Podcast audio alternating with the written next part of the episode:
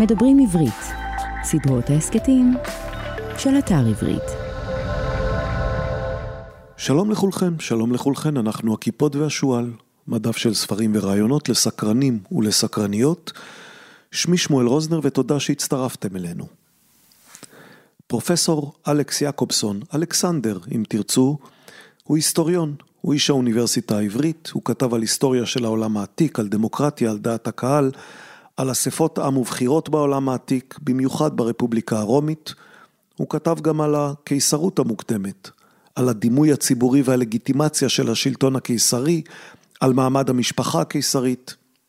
אבל ככל שהוא מוכר בציבור, הוא מוכר פחות בזכות רומא ויותר בזכות עניינים שעל סדר היום הציבורי. דמוקרטיה, זהויות לאומיות, מדינת לאום, זכויות של מיעוטים לאומיים.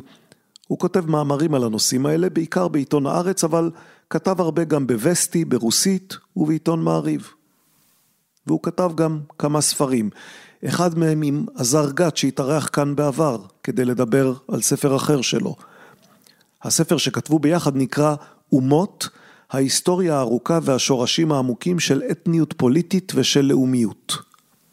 עם אמנון רובינשטיין, אלכס יעקובסון כתב את ישראל ומשפחת העמים, מדינת לאום יהודית וזכויות האדם. הוא נולד במוסקבה, עלה לישראל עם הוריו בשנת 1973, קצת לפני מלחמה גדולה, והשיחה בינינו תתנהל על ציר גיאוגרפי שכולל את מוסקבה, את אודסה, את קייב, וגם כמובן את ירושלים ואת יהודה ושומרון ועוד כמה מקומות. יעקובסון בחר עבורנו שלושה ספרים, כמו שאנחנו מבקשים בדרך כלל, אבל כרגיל השיחה מתגלגלת לאן שהיא מתגלגלת. הוא בחר לדבר על קובץ מאמריו הראשון ברוסית של זאב ז'בוטינסקי, ויצא שדיברנו בעיקר על מאמרו המפורסם קיר הברזל. הוא בחר לדבר על השטן ממוסקבה, ספרו של בולגקוב, והוא בחר לדבר גם על ספר שכתבה אמו, אמו של יעקובסון, המגולל את תולדות חיי המשפחה בדורות האחרונים. כמו כמעט בכל משפחה יהודית בדורנו, יש ליעקובסונים סיפור מסמר שיער לספר, על מהפכנים ומהפכות, טלטולים ומאסרים, אנטישמיות והגירה, עוד רגע תשמעו. לפני כן, כרגיל, כמה תזכורות הכרחיות, בואו לבקר באתר שלנו, kipshu.com, k-i-p-s-h-u.com, לחצו על הכפתורים של הלייק והשאר והפולו בכל המקומות הנחוצים, יש לנו חשבונות בפייסבוק ובטוויטר, ואנחנו מתארחים בכל פלטפורמות הפודקאסטים המקובלות. סדרת ההסכתים הכיפות והשועל נעשית בשיתוף עברית, אתר התוכן הספרותי הגדול בישראל המציע לקרוא בכל דרך ספרים דיגיטליים, קוליים ומודפסים. החודש תוכלו למצוא בעברית את כל הספרים הקודמים שלנו וגם את השניים החדשים, אומנות המקל והגזר של אורי גניזי ותהיו חכמים של שמואל פאוסט. אחרי השיחה עם יעקובסון, שהיא לא שיחה קצרה אבל היא בהחלט מעניינת, נאמר עוד כמה מילים קצרות על הספר של פאוסט ואולי אפילו נקריא פסקה או שתיים. עכשיו לאורח, שלושה ספרים והרבה מסביב על התרבות הרוסית, האנטישמיות ונצרות, הזהות של הנשיא זלנסקי, החזון של ז'בוטינסקי, התקלה של הסכמי אוסלו, יהדות בלי אלוהים, מהפכת אוקטובר, התיאורים הגדולים, הגירה ובחירה. אלכס יעקובסון, מיד אחרי האות.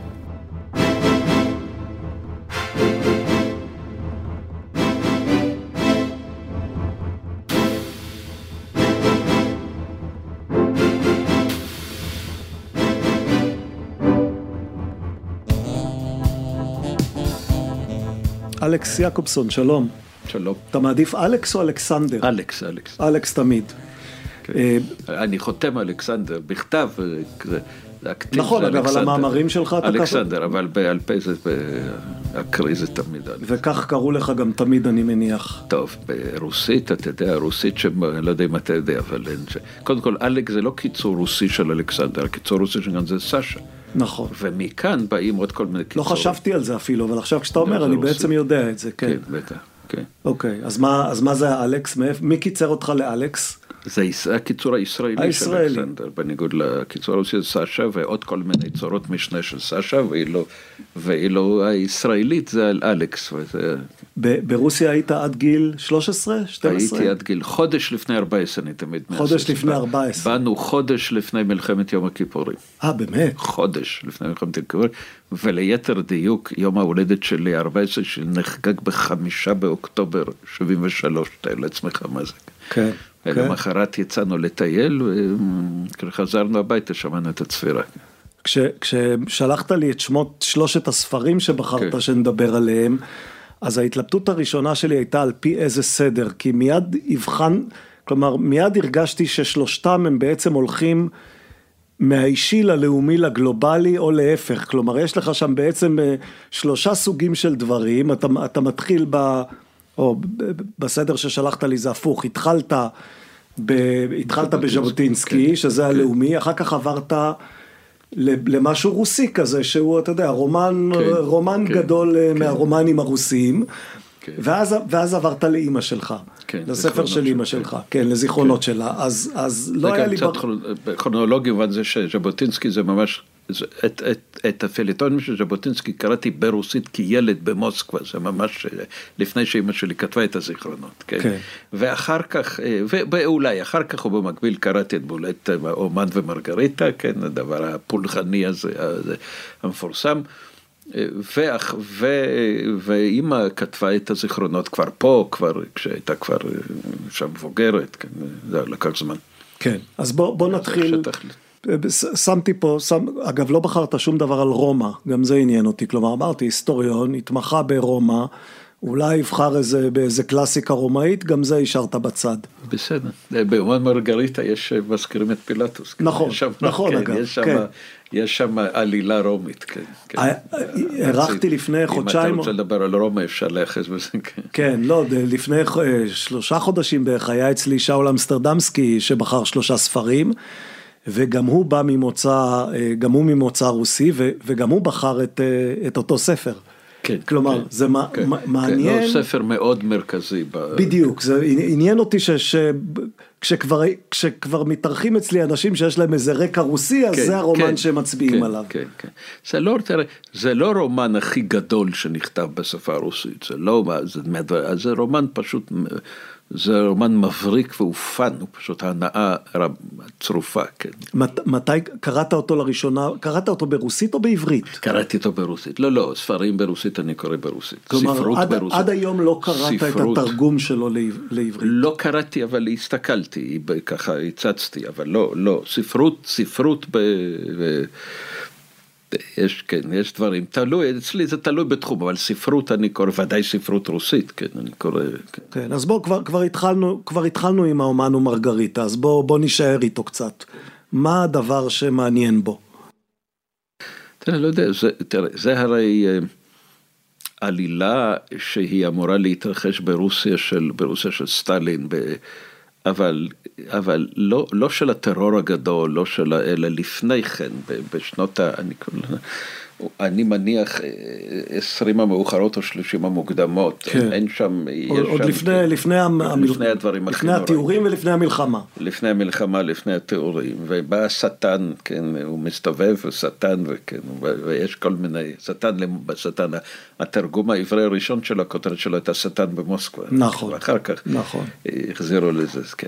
ויש איזה, כן, וזה, אה, תשמע, זה, זה פשוט, זה קשה, קשה לספר את העלילה, על כל פנים, בתוך ה... כי זה עלילה סבוכה, יש עלילה בתוך עלילה. שם. בתוך זה יש עלילה של ישו, כן, יש סיפור של צליבת ישו, והסיפור, זה מין אינטרפרטציה של הצליבה והישו כאישיות, ופילטוס כמובן מופיע בתור אה, כזה גיבור כן, טרגי. אז גם את שאול ש- בזמנו שאלתי על זה, כלומר, התמה היא תמה נוצרית מאוד כן, כבדה יש, בספר יש, הזה, ב- יש, כן, יש שם סיפור נוצרי. אה, ואין, כלומר, זה לא גורם לך לשום סוג של רתיעה, אתה לא, כאילו, אתה יודע, ספרים כל כך אני כב- חושב נוצריים שאצל כבדים. הרוסים כמוני שבאו מרקע שלי, האנטישמיות שהכרנו, ובהחלט הכרנו, מאוד הכרנו. אני הכרתי, יש חלק מחוויות הילדות שלי, אה, היא לא הייתה נוצרית. האסוציאציה הזאת של היסטורית, ידענו את זה כמובן, ש... אבל האנטישמיות זה חלק מהגמישות של האנטישמיות.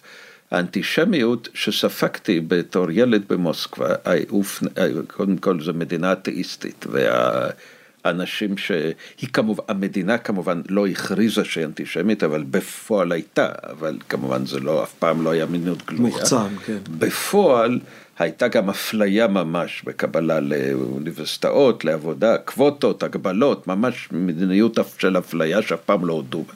מה שכן היה זה תמיד תעמולה אנטי-ישראלית, אנטי-ציונית, שתמיד הייתה ארסית מאוד, וכל אחד שחי שם מבין שזה מזין אנטישמיות.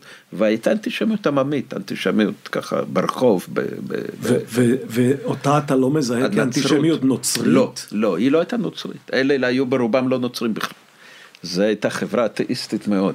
היום יש קצת דחייה של זה, אגב מעניין, אפילו היום אצל פוטין ברוסיה, בגרסה הנורא והאיומה הזאת של רוסיה, שהמשטר של פוטין בהדרגה הגיע אליה עכשיו, שהכנסייה היא חלק מזה, הוא גם מחזיר את העניין, אבל באיזושהי צורה מוזרה, היות ופוטין עצמו אין בו באמת שום אנטישמיות, צריך להגיד, אין לו, אין לו, אין לו את זה בכלל. אז גם, גם הכנסייה היא שהיא כוח. אני חושד שגם רוחניות דתית אין בו הרבה.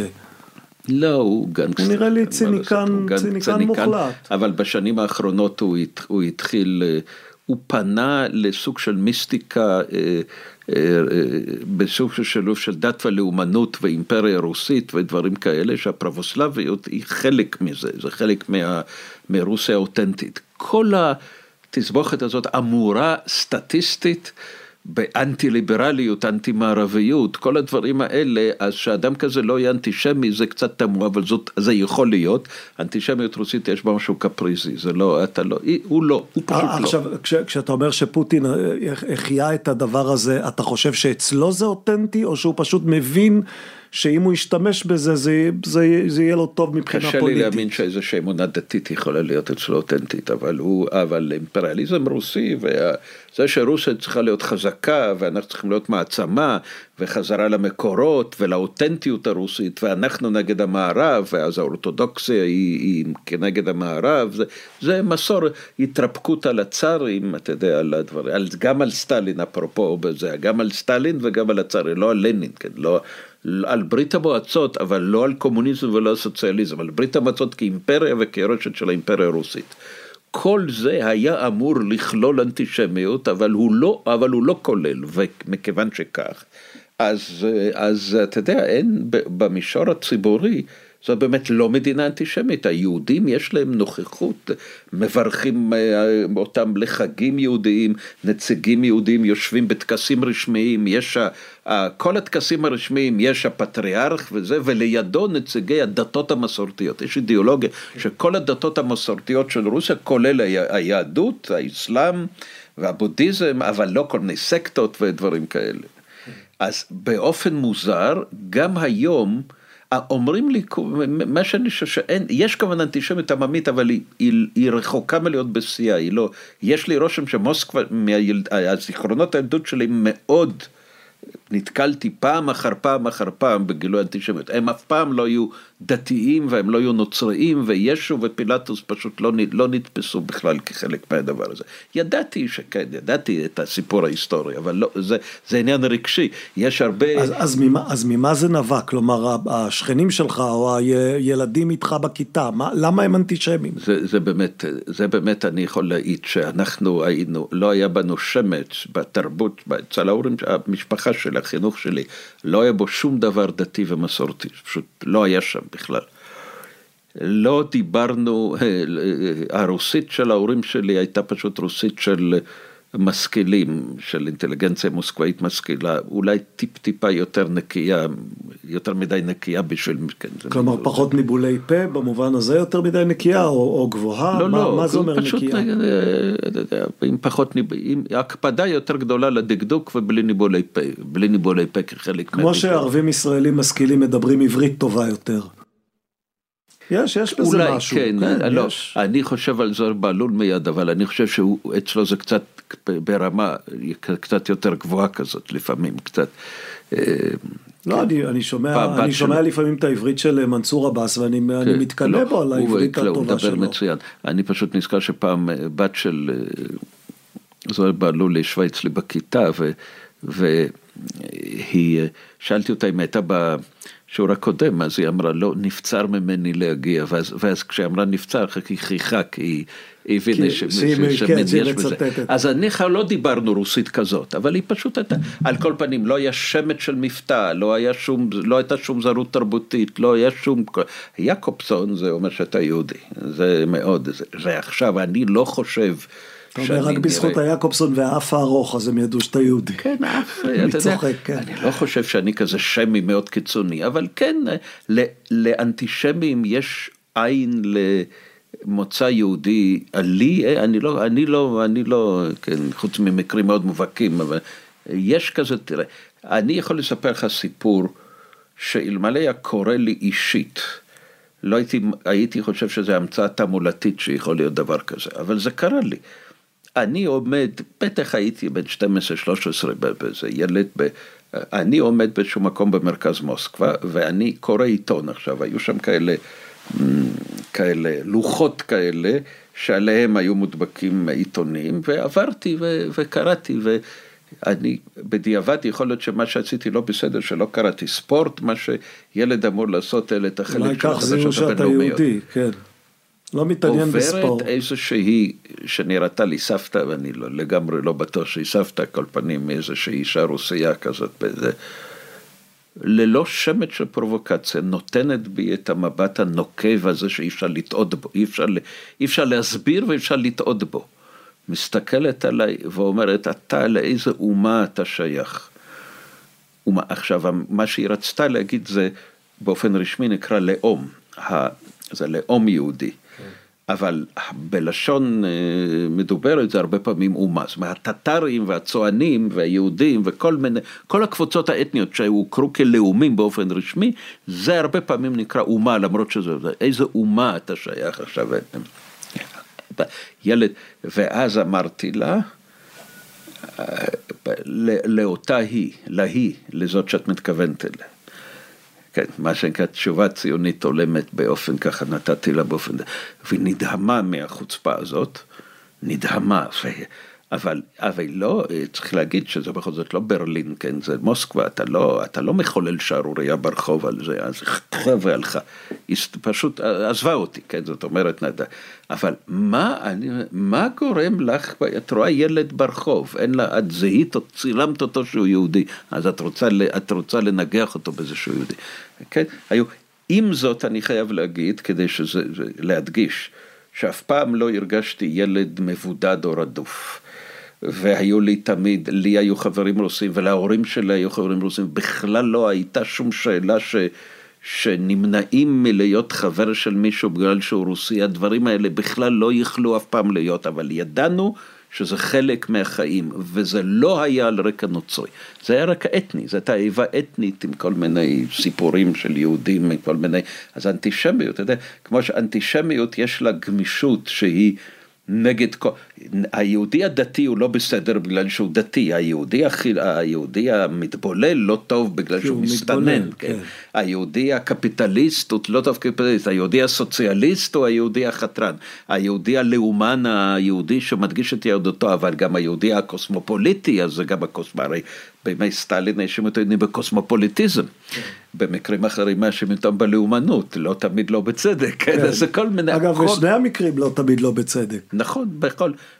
כל...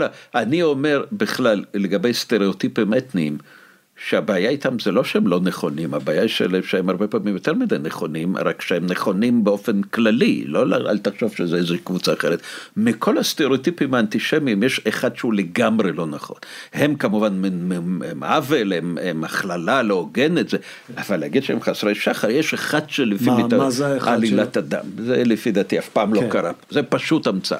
כל דבר אחר, ישו כן, לא צלב. זה לא ייחוס של תכונת אופי, זה, זה, כן. זה מין אה, נכון, טענה אבל, עובדתית נכון, נכון, שהיא פשוט לא מין, נכונה. אבל זה היה לזה עוצמה כזאת שאפשר להגיד שזה כמעט, אה, אה, תראה, באירופה הנוצרית הסיפור של יהודים כרוצחי ישו, הוא, הוא, אני יכול להגיד לך כהיסטוריון של רומא, שזה כמובן ברור שלא לא, יהודים לא יכלו לצלוב אף אחד ב, בתקופת בשום, פילטוס. בשום מקום תחת, כן. רומאי, לא, גם לצלוב וגם בכלל, נציב היה לו מונופול כנראה, זה אין לנו איזה חוק, אבל מכל מה שאנחנו יודעים בפרובינציה רומית מסודרת, הנציב הרומי מוציא להורג ולא אף אחד אחר, וצליבה היא כמובן לא מיטה יהודית, וזה ברור לגמרי שזה, ברור לגמרי שזה עניין, הרומאים עשו את זה עכשיו, בטח לא חסר שחר במקורות היהודים, היהודים מתפארים בזה שהם עשו את זה, כן? כן. הרי יש, זה לא ש...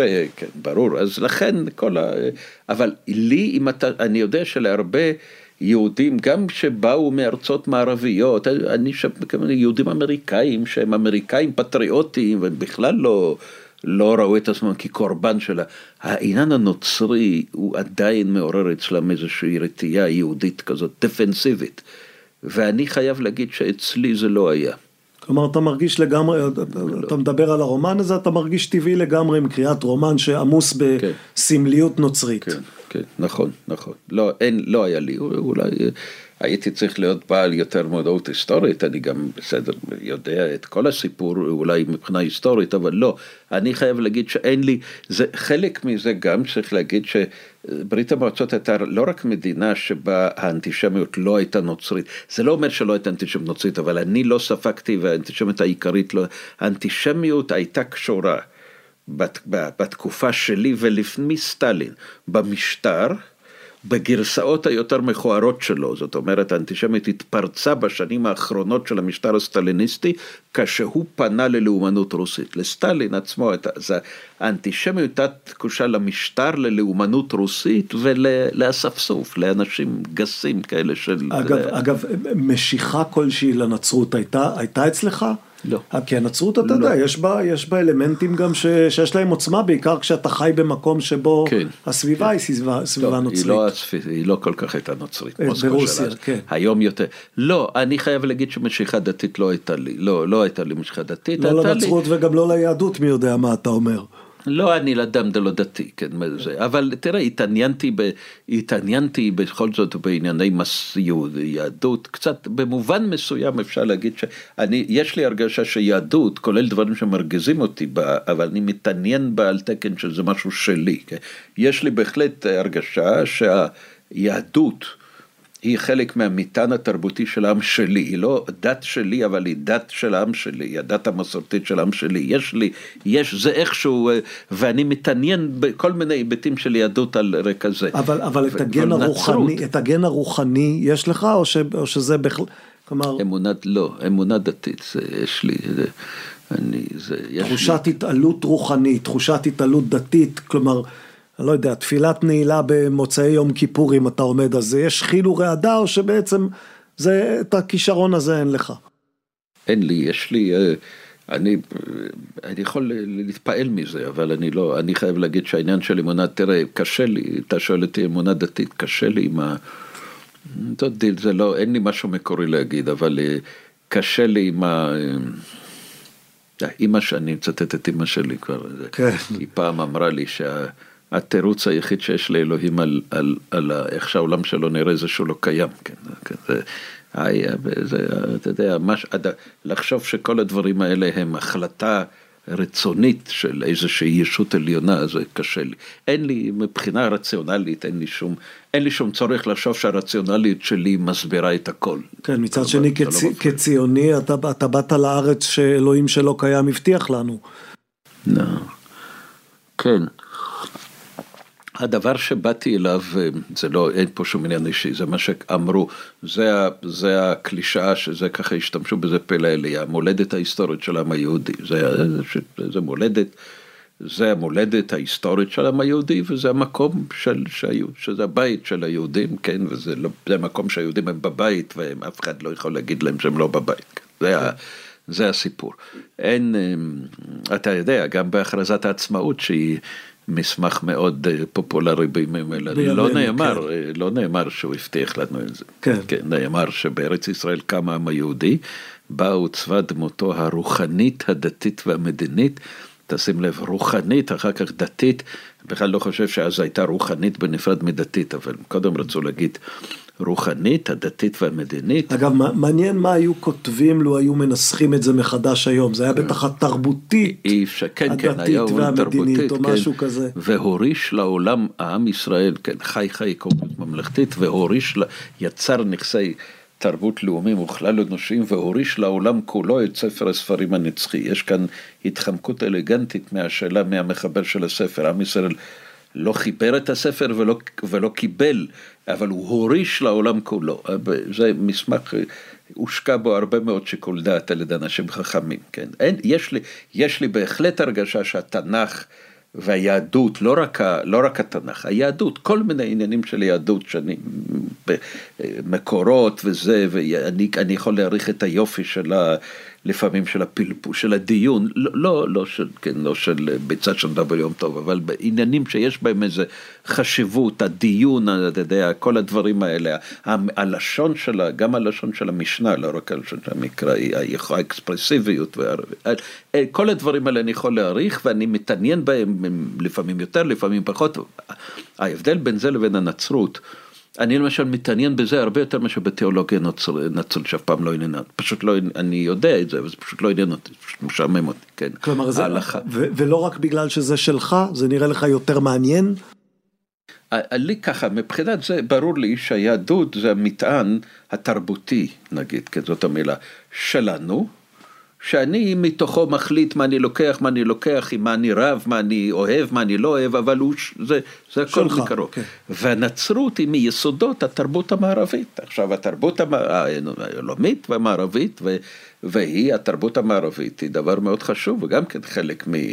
ממני, חלק מאיתנו, אבל, אבל זה, על- זה, זה הסיפור. כמו שאני לומד ומאוד אה, כן, מעריך את התרבות הרומית, כן, גם הקדם נוצרית, כן, גם, גם ורגליוס וגם היסטוריונים רומים שאני קורא עם חלק. אגב, בתרבות הרומית הקדם נוצרית, אני יודע שיש על זה איזה דיון אה, של כל מיני אה, מומחים. האנטישמיות קדמה ל- ל- כן, לנצרות? אבל אני לא חושב שאנטי... אנטי- אנחנו אוספים כל התבטאות נגד היהודים. נכון, כן, אנטישמיות. בדיוק. הרו- בוודאי שיש כל מיני התבטאויות בגנות היהודים, אבל בסך הכל אני לא חושב שלפני הנצרות הייתה איזשהו יחס שלילי מיוחד ליהודים, א', בכלל זה לא כל כך חשוב, אתה יודע, זה, האנשים הרי התבטאו בג- בגנות עמים, ב- לפני ה-PC אנשים אמרו בקלות, אמרו אה, מה דעתם, אה, כן, מה דעתם על כל. עדה אומר ועל כל קיקרו לאום. באיזשהו מקום, באחד הנאומים, כן, באים לאספות כל מיני זרים ומשמיעים רעש ומפריעים, כן, והוא אומר, היהודים, הסורים, המצרים ועוד כל מיני כאלה, ארכיפרחים, כל מיני כאלה, כן, זה, אין לו איזה יהודי, זה לא, הוא לא עושה מיהודי. ויש קסנופוביה, יש הרבה מאוד קסנופוביה והרבה התנסות, מה שאין ברומא, או אני חושב שמוזר כמה אין, זה גזענות במובן המדויק של המילה, זאת אומרת זה הרגשה של אה, עליונות, קודם כל אין להם היררכיה של גזע לפי דעתי, יש על זה קצת ויכוח, אבל אני, אם יש זה הכי פחות ממה שאני מכיר באיזושהי תרבות. כל העניין הזה של לבן שחור, זה הרי הברברים המובהקים של הרומאים היו, היו כן. הגרמנים והגלים, כן, כן. הבלונדינים והמנאים, אלה הברברים, בעוד שהם ידעו שהם, הרומאים ידעו שיש תרבויות גדולות במזרח, הם לא חשבו שהתרבות היהודית היא תרבות גדולה, אבל הם ידעו שבמזרח היו תרבויות גדולות, ויש גם ברומא עוד דבר יוצא דופן, זה הנכונות לקבל, אתה, אתה יכול להפוך לרומאי, זה, זה כמובן לקח זמן, לא מיד, אבל בסך הכל לאורך זמן. רומא היא הרי, אתה יודע, אתה יכול להיות אזרח רומי בסופו של דבר. לא, לא, לא הרפובליקה שאני עוסק בה, אבל הקיסרות הרומית, הרפובליקה התחילה להרחיב את האזרחות בסוף לאיטליה, ברומא נתנו אזרחות לעבדים משוחררים למשל, דבר שלא, אין, אני לא, לא חושב שיש תרבות כזאת, שיש, בה- שהאזרח משוחרר הופך ל... ל שווה מעמד. ואחר כך בקיסרות, בסופו של דבר בקיסרות הם מרחיבים את זה לכל תושבי האימפריה. ואני אומר לתלמידים, אני אומר לתלמידים, תמיד יש לי אותה, כן, מרצים, אנחנו חייבים לחזור על בדיחות, אין מה לעשות. כן, כמה אפשר אני להמציא, אומר שכן, כן.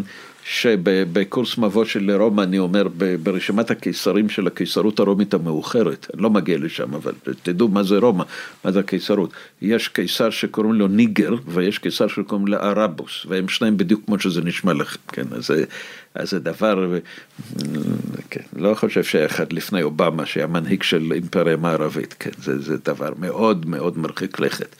אז הרומאים הם, הם שילוב של ברוטליות, שיש הרבה, ואינקלוסיביות, אינקלוסיביות, נכונות לקבל.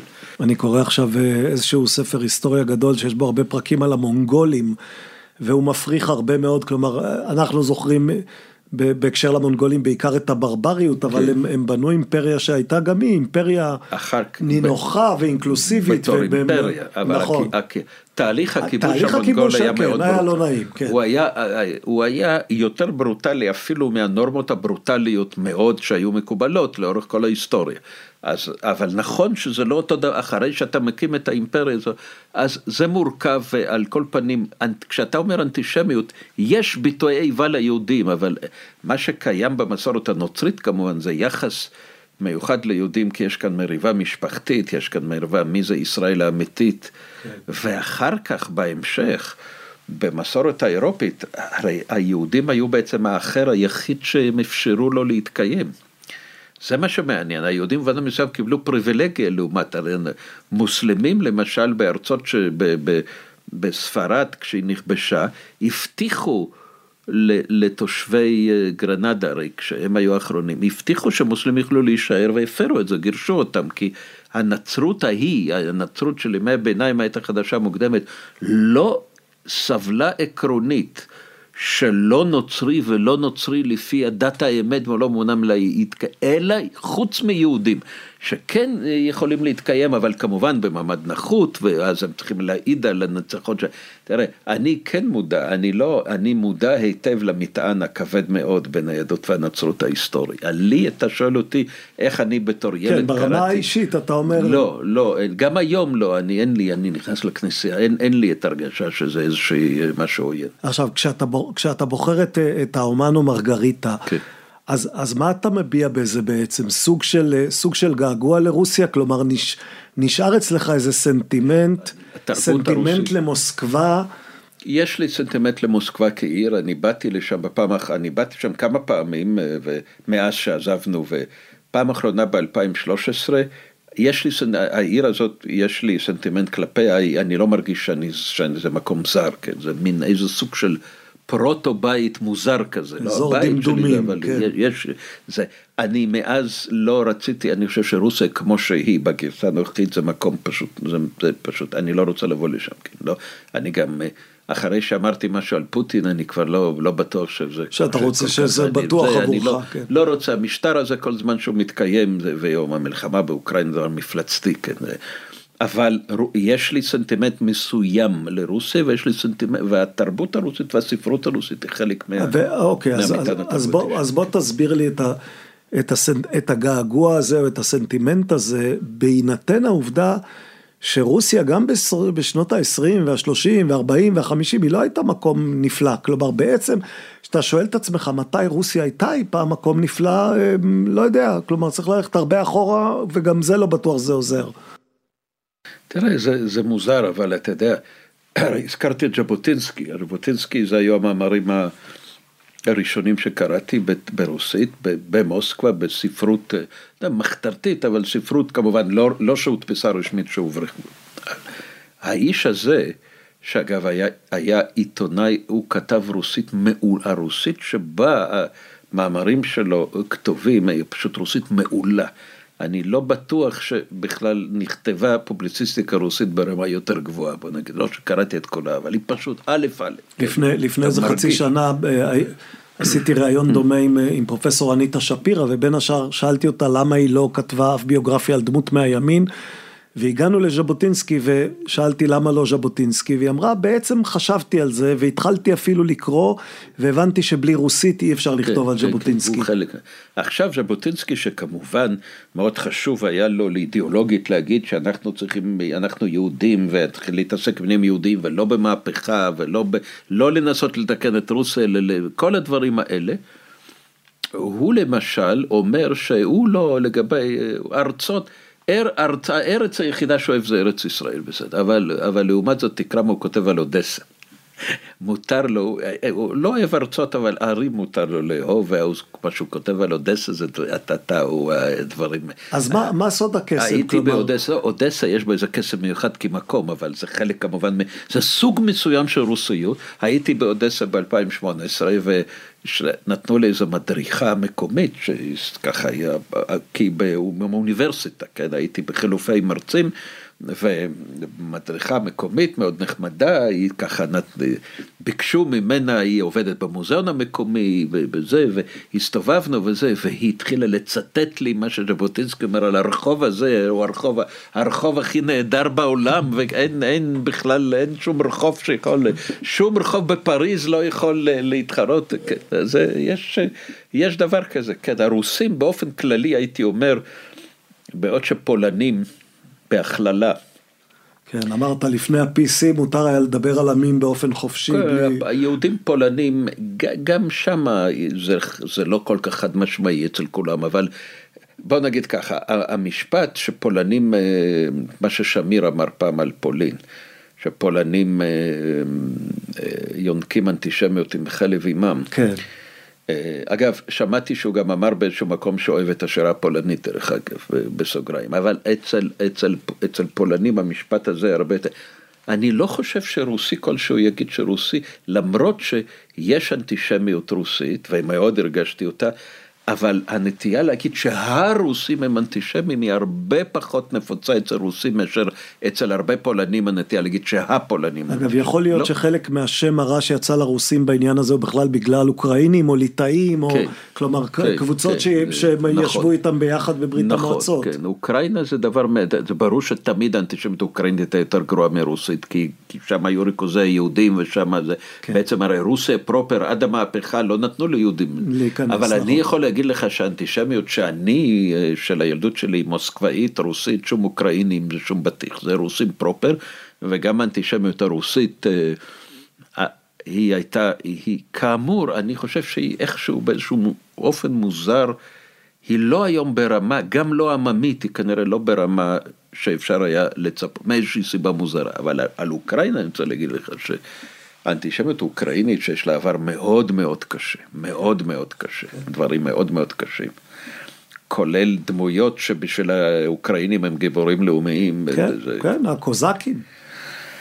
אז אני רוצה להגיד לך שזה זה שהאוקראינים בחרו בבחירות חופשיות ברוב של 73 אחוז, יהודי דובר רוסית ממזרח אוקראינה כנשיא. מי שיודע מה זה לאומנות אוקראינית יודע ששני הדברים הם מעוררים התפעלות, גם זה שהוא יהודי וגם זה כמעט באותה מידה זה שהוא דובר רוסי. הוא למד, הוא מדבר אוקראינית טובה, אבל הוא בכלל לא, הוא אומן רוסי, הוא הרי התפרסם בזכות אה, ההצגות כן, שלו כן, ברוסית. שחקן, כן. שפת האם שלו היא רוסית כמובן, כן, שפת האם הטבעית שלו. אז זה, זה אומר, זה אומר משהו, אתה יודע, תקין פוליטית במובן הטוב של המילה, זאת אומרת, בוא נגיד ככה, ש... תקינות פוליטית, יש אין סוף שטויות שבשמה נאמרות, ו, והיא, הרי זה ניסיון, הרי זה ניסיון להימנע מגזענות, למנוע גזענות, למנוע מצב שיהיה לגיטימי להגיד משהו, משהו שלילי על קבוצה שלמה. כן. אז עכשיו, אתה יודע, אנחנו אינטואיטיבית יודעים שיש דבר כזה תכונה לאומית, כן, אבל אנחנו בסדר, אנחנו לא, אנחנו לא חושבים שאין שום הבדל בין uh, ספרדים וגרמנים מבחינת, uh, כן, זה, ככלל, כן, לא, כן. אבל הנקודה היא שקודם כל, תכונות לאומיות, גם בכל זמן נתון, הן לא רק שהן לא חלות על כולם, אלא גם יש פנים שונות, יש היבטים שונים של אופי לאומי. אם אתה תשאל את עצמך מה אופי מהו אופי הלאומי הישראלי, היהודי הישראלי של היום, אתה תמצא גם דברים שליליים וגם דברים חיוביים, ובמידה מסוימת הם גם שני צדדים של אותו מטבע, נניח. כן, החוצפה. החוצפה והחביבות, החוסר הפורמליות וחוסר הנימוס, כל זה. זה דבר, ושנית, בנוסף לכך, התכונות האלה, חוץ מזה שהן כל כך חמקמקות גם בכל רגע, הן גם משתנות לאורך זמן, כן, זה מה שמעניין. וזה ש... העם, העם האוקראיני עם ההיסטוריה שלו יכול להגיע, למצ... זה, זה ראוי להתפעלות גדולה מאוד, אני חייב להגיד. כן, ו- והאופן שבו הוא ממלא את התפקיד שלו, כן, כמובן הופך, אות, הופך אותו לגיבור לאומי בסדר גודל לאומי. של, של כן. האנטישמים הכי גרועים של, של אוקראינה, כן. ש, שגם הם היו גיבורים לאומיים. כן, כן, זה, כן, אני ראיתי. ראיתי עכשיו, אם אתה יודע, ראיתי עכשיו, אני שומע הרבה יוטיוב על, על המלחמה הזאת, מה שאני שומע זה אוקראינים ברוסית. אגב, זה מעניין, כלומר, אתה מניח שהמלחמה הזאת מעניינת אותך יותר מאשר את הישראלי הממוצע בגלל כן, הרקע כן, שלך. כן, כן. אני חושב שזה חלק מה... חלק מה... חלק מהעניין שאוקראינה, כל הזה, זה, אני חושב שאני בתור רוסי יכול להעריך כמה זה מפלצתי הרעיון, הרעיון של מלחמה בין רוסיה ואוקראינה, הרי באמת יש איזה פה איזה משהו נורא ואיום בזה, מעבר לזה שזה בכלל נורא ואיום. אז, אז אני, אגב, היו לי שנים, היו לי שנים, אני חייב להגיד שהיו לי שנים שבהם מאוד התרחק, היו, זה, יש לא, לא, לא רצית לדעת מה קורה שם. זה לא שכל הזמן, לא, לא כל, אבל עכשיו, מאז שהמלחמה הזאת פרצה, אז יש איזה חיזוק של העניין, העניין שלי בזה. שוב פעם, סלידה גמורה מהמדינה הרוסית כמו שהיא, ועניין בדבר הזה. אז אני שומע, אז אני שומע, אני שומע רוסית ואוקראינית זה שתי שפות קרובות, אני, אני לא, הם לא mutually intelligible כשמדברים, אבל בכל זאת, ככה, אני די מהר הייתי יכול ללמוד אותה אם הייתי רוצה, אז עכשיו אני, אני שומע, אני שמעתי יוטיוב, יושב בן אדם, והתברר לי, ואחר אמרו לי ששם ידוע שהוא לאומן אוקראיני מהסוג, זה לא הימין הכי קיצוני, אבל זה ימין קיצוני, ימין לאומני קיצוני למדי. והוא דיבר לאט, אז אני הבנת מה הוא אומר. הבנתי יותר טוב. שאלו אותו, האם שינית את דעתך על זלנסקי? זה ברור מה, כלומר, ברור לך מה בא קודם. הוא אומר, כן, כן. שניתי. קודם כל אני חייב להגיד שהוא בחור אמיץ, הוא בח... זאת אומרת, בסוגריים, בניגוד למה שחשבתי שהיהודי הזה, מה איזה אומץ למשל צבא, אני צריך להגיד שהוא בחור קשוח, הוא בחור אמיץ, זה כמובן, זה ברור שזה, הוא קנה את עולמו בזה שהוא, ביום הראשון שהאמריקאים רצו לפנות אותו, והוא אמר, אני צריך נשק ולא מונית, זה, זה הפך לכבר לאחד. קודם כל, שנית, הוא אומר, אני חשבתי כשהוא, אני מודה שכשהוא נבחר כעסתי על העם האוקראיני, כי אמרתי, נשיא זה סמל לאומי, יהודי יכול להיות מנהל הבנק המרכזי. בסדר, הוא יכול להיות ראש ממשלה, ראש ממשלה באוקראינה זה לא, בסדר. נשיא זה כמו דגל וסמל, זה צריך להיות אוקראיני. נשיא אוקראינה צריך להיות אוקראיני, אז כעסתי על האוקראיני. אבל עכשיו אני מבין שטעיתי, כי בגלל שהוא יהודי, אף אחד בעולם לא מאמין לרוסים שאנחנו פשיסטים, שאנחנו נאצים, אף אחד לא מאמין לזה. וזה, וחוץ מזה, זה שהוא כזה קטן, מצחיק, שחקן, כל כך לא פינושה. כל כך לא פינושה, כל כך לא גנרל, ככה הוא אמר, הוא הבן אדם עם שכל, כל כך לא גנרל, זה חלק גדול מהאהדה שאנחנו מקבלים, הוא, זה, הוא זה עובד בשביל העם האוקראיני, זה עובד טוב בשביל העם האוקראיני. עכשיו, ברור לך מאיפה האיש הזה בא, אבל אני לא, חייב... לא, וגם, ושחלק מהסטריאוטיפים נשארו כן, על כנם. כן, נשארו, כלומר... אבל הוא יכול באופן ביקורתי, והוא יכול להבין את זה, והוא אומר, כן, כשאלוהים רוצה לעזור לאוקראינה, הוא לא חייב לבחור קדושים וגיבורים, הוא יכול באמצעות היהודי, השחקן היהודי הזה, הוא בחר ל... אבל תראה, הוא גם מנסה להיות הוגן כלפי האיש, הוא מתחיל, קודם כל מתחיל בזה. זה... עכשיו תראה, כל הדבר הזה, אגב, אני רואה, אחר כך יש ים של טוקבקים שכועסים עליו מאוד, מה, איך, מה זה מצחיק? הוא היה מצחיק כשחקן, אבל כנשיא הוא לא, איך אתה מדבר על נשיא שם? ומה זה בכלל יהודי? איזה מין דברים האלה? מה אנחנו, אנחנו אזרח אוקראיני, הוא פטריוט אוקראיני, איך אתה בכלל, כלומר, הם בכלל זועמים שהוא בכלל מזהה אותו. מעלה כן, זה. כן. ואת כל זה, אז אני שומע אותו, אני מבין מאיפה הוא בא, אני, אני זוכר היטב מה זה, מה זה, איזה דברים נוראים ואיומים כרוכים באנטישמיות אוקראינית. אני מתפעל מאוד ממה, ש, ממה שקרה, ואני, ואני לא יכול לא לחשוב על עוד דבר. תראה, יש לנו כמה, מה לדעת סמוטריץ' יכול להיות, אתה יודע, לא, נעזוב, דרוזי. הוא יכול להיות, הוא יכול להיות ראש ממשלה, טוב, ראש ממשלה, כן, הרי נשיא זה כמו ראש ממשלה, בסדר? כן, כן. תראה, אנחנו באמת... טוב, אז זה, זה, זה, זה מעורר מחשבות, כן, אני ש... אומר דרוזי כי אני, אני אומר כן, לא, דרוזי לא, זה כמובן מישהו שאין ספק לאומי, לגבי, כן. אני מדבר כן. על זהו, אז לכן אני מראש לא אמרתי ערבי מוסלמי בסדר, כן, פה יש סכסוך לאומי, אבל אני אדם שאין, אדם, תראה, יש, יש ב, בימין הדתי הישראלי, בגרסאות שבשנים האחרונות הם, נהיו הרבה יותר לגיטימיות, שאנשים לא, אתה יודע, הם משוחררים סוף סוף מה-PC הליברלי הזה, ומה שהם אומרים באמת, באמת שגוי, גוי לא יכול להיות ישראלי במלוא מובן המילה, בגלל שהוא גוי, כן, כי זה, הם מפרשים את, ה, מפרשים את העניין הזה של המדינה היהודית, שאני תומך בו ומחויב לו, אבל לא, במש... לא כמו שהם מפרשים אותו. אגב, אגב, מבחינתך אה, ראש ממשלה, ראש ממשלה דרוזי מחליק לך בגרון בנינוחות מוחלטת בלי שום רגע של היסוס אפילו? לא, לא, זה, יש עדיין, כי לראש ממשלת ישראל יש גם תפקיד כלפי, יהוד, כלפי כנציג של העם היהודי. זו שאלה, אני לא יכול להגיד שאני פוסל את זה, ואני לא, לא זה, יכול זה להגיד שזה... שאלה מורכבת. זה, לא, זה יותר מורכב מאשר...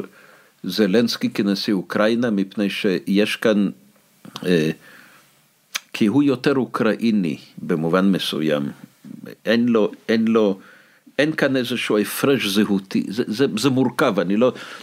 אגב, בשיח של זלנסקי שהיה בזמנו עם, עם ממשלת ישראל, כן. אז הרי אתה יודע, פה יושבים אנשים בארץ ואומרים, הנה, הנשיא היהודי של אוקראינה מדבר עם ראש הממשלה היהודי של כן. מדינת תראה, ישראל. אין ו... ספק, תראה, זלנ... אני אביא לך דוגמה. כן. זלנסקי, זה, לזלנסקי, הוא, זלנסקי אדם ממוצא יהודי. עכשיו, מה שקורה, ש, שהזהות הלאומית שלו היא אוקראינית, שייך לאומה האוקראינית, בראייתו. עכשיו, אדם כזה, היינו מצפים ממנו שיתנכר ליהדות שלו. קרייסקי היה כזה, הוא היה אוסטרי ממוצא יהודי. אז היה חשוב לו להגיד שאין עם יהודי וזה זה.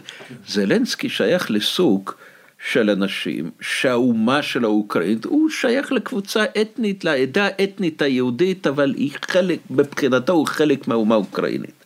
אבל הוא בשום פנים ואופן, הוא לא היה עולה בדעתו להגיד שאין עם יהודי, אין בו שמן, הוא לא מסתיר את היהדות שלו, הוא לא מתבייש בה, הוא לא מצניע אותה, הוא, הוא מנצל אתה, אותה. אתה בעצם נותן לו ציון לשבח על זה שאין בו שנאה עצמית, או אין בו צורך להכחיש את נכון, יהדותו נכון. כדי למצוא חן בין לא, סביבתו. לא את יהדותו, אתה יודע, גם את למשל מושג העם היהודי, שהוא כביכול סותר, לא סותר, אתה יודע, זהות זה דבר מורכב, אתה יכול להיות עם אוקראיני במובן מסוים ועם יהודי במובן אחר, זה לא איזה או או אצלו, ברור לי גם שהזהות העיקרית שלו אוקראינית אחרת, אדם הגון לא רוצה להיות נשיא אוקראינה אם, אם הזהות העיקרית שלו אוקראינית. הזהות שלו אוקראינית, היא, היא לא, אין לו זהות דתית יהודית, הוא אומר שיש לו יש לו, המוצא היהודי שלו הוא חלק מהזהות שלו, הוא מדגיש אותו, הוא לא מסתיר אותו, הוא, הוא, מתגאה בו במובן, והוא גם מבין שיש לזה גם משמעות קולקטיבית, והוא מקבל שישראל היא הביטוי הלאומי לאותו היבט באישיות, אתה מבין, זה, זה מורכב.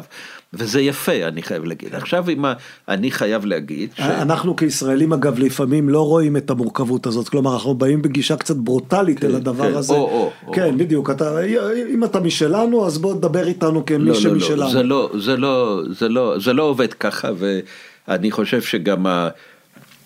זה לא רק הגישה הציונית הפשטנית, גם הגישה האנטי-ציונית או הפוסט-ציונית שאומרת שכאילו שרואה את הציונות כניסיון להגיד שהיהודי הוא רק יהודי. כן. לא, יש כאן, תראה, זהות, יש כאן איזשהו שוק חופשי. זהות זה דבר מורכב, גם של אדם מסוים, בוודאי של קבוצה, אבל הזהות היהודית של מספיק יהודים היא מספיק חשובה להם.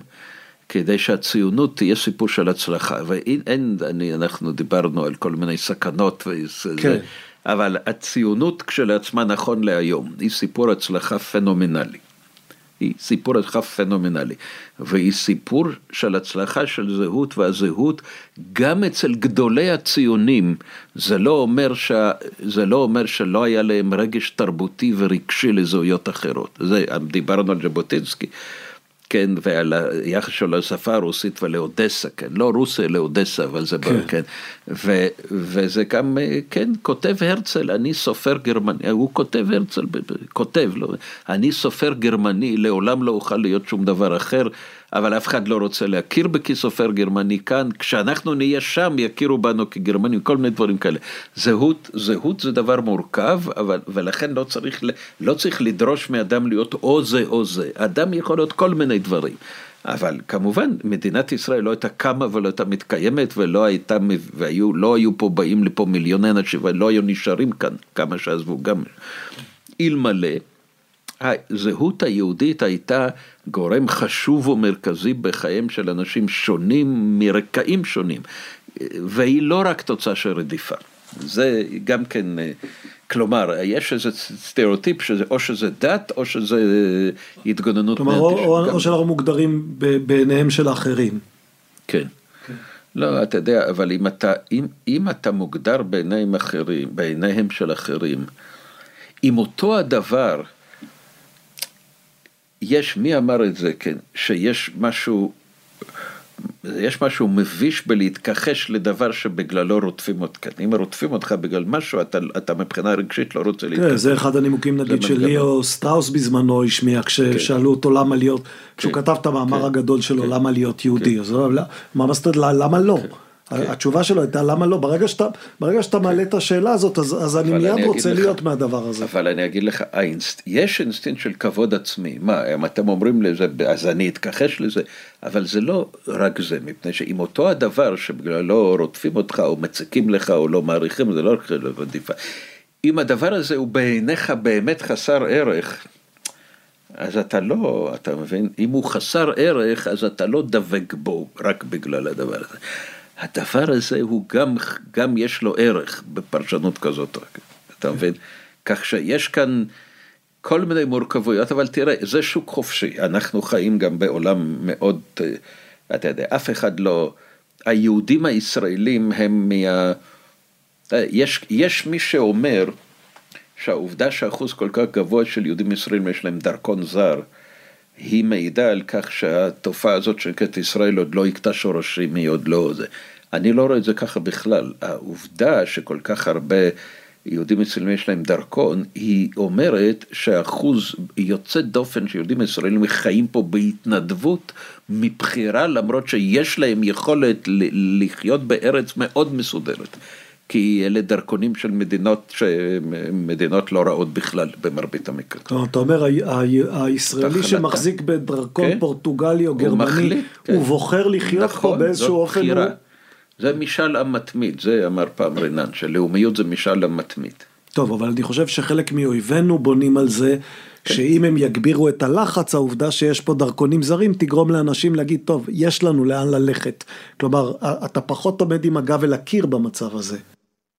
אבל אתה יודע, אה, טוב, יש כוונה רבים שאין להם ללכת במובן המילולי, כן. אבל במובן מסוים כשיש לי ואני בוחר, יש לזה ערך, אה, על כל פנים לגבי הלחץ האוך, לאויבים שלנו אין יותר מדי אה, for it, אתה יודע, אין, אין יותר מדי הצלחות. צריך גם להגיד שבניגוד לדימויים, הירידה מהארץ אני לא בדקתי ממש את הנתונים, אולי אתה מכיר של השנים האחרונות, אבל אנחנו לאורך זמן היא ירדה. לא. מדינה שקולטת היום יותר ממה שהיא מאבדת, כלומר המדינה היום היא מושכת בני אדם. כן. ולא... אבל אני אומר, הירידה עצמה, נניח עלייה יש לה סיבות כן, אחרות. כן, כן, היא פחתה, היא פחתה. הישראלים מדברים על, תראה, הישראלים מדברים על ירידה הרבה יותר מבעיה, הם לא מתביישים, הם לא, לא יגידו להם שהם חייבים, הם לא מרגישים חייבים לחיות, הם רוצים לחיות בישראל, והם רוצים לחיות בישראל, בממ... אני מדבר על מספרים גדולים, לא מדבר, כל כן. אחד מכיר מישהו ש... הם רוצים לחיות בישראל יותר מאשר בשנים שבהם דיברו על נפולת של נמושות וזו הייתה בושה אידיאולוגית והיה איזה טאבו, אין טאבו, אלא יש רצון. עכשיו, אני חושב שזה יותר טוב.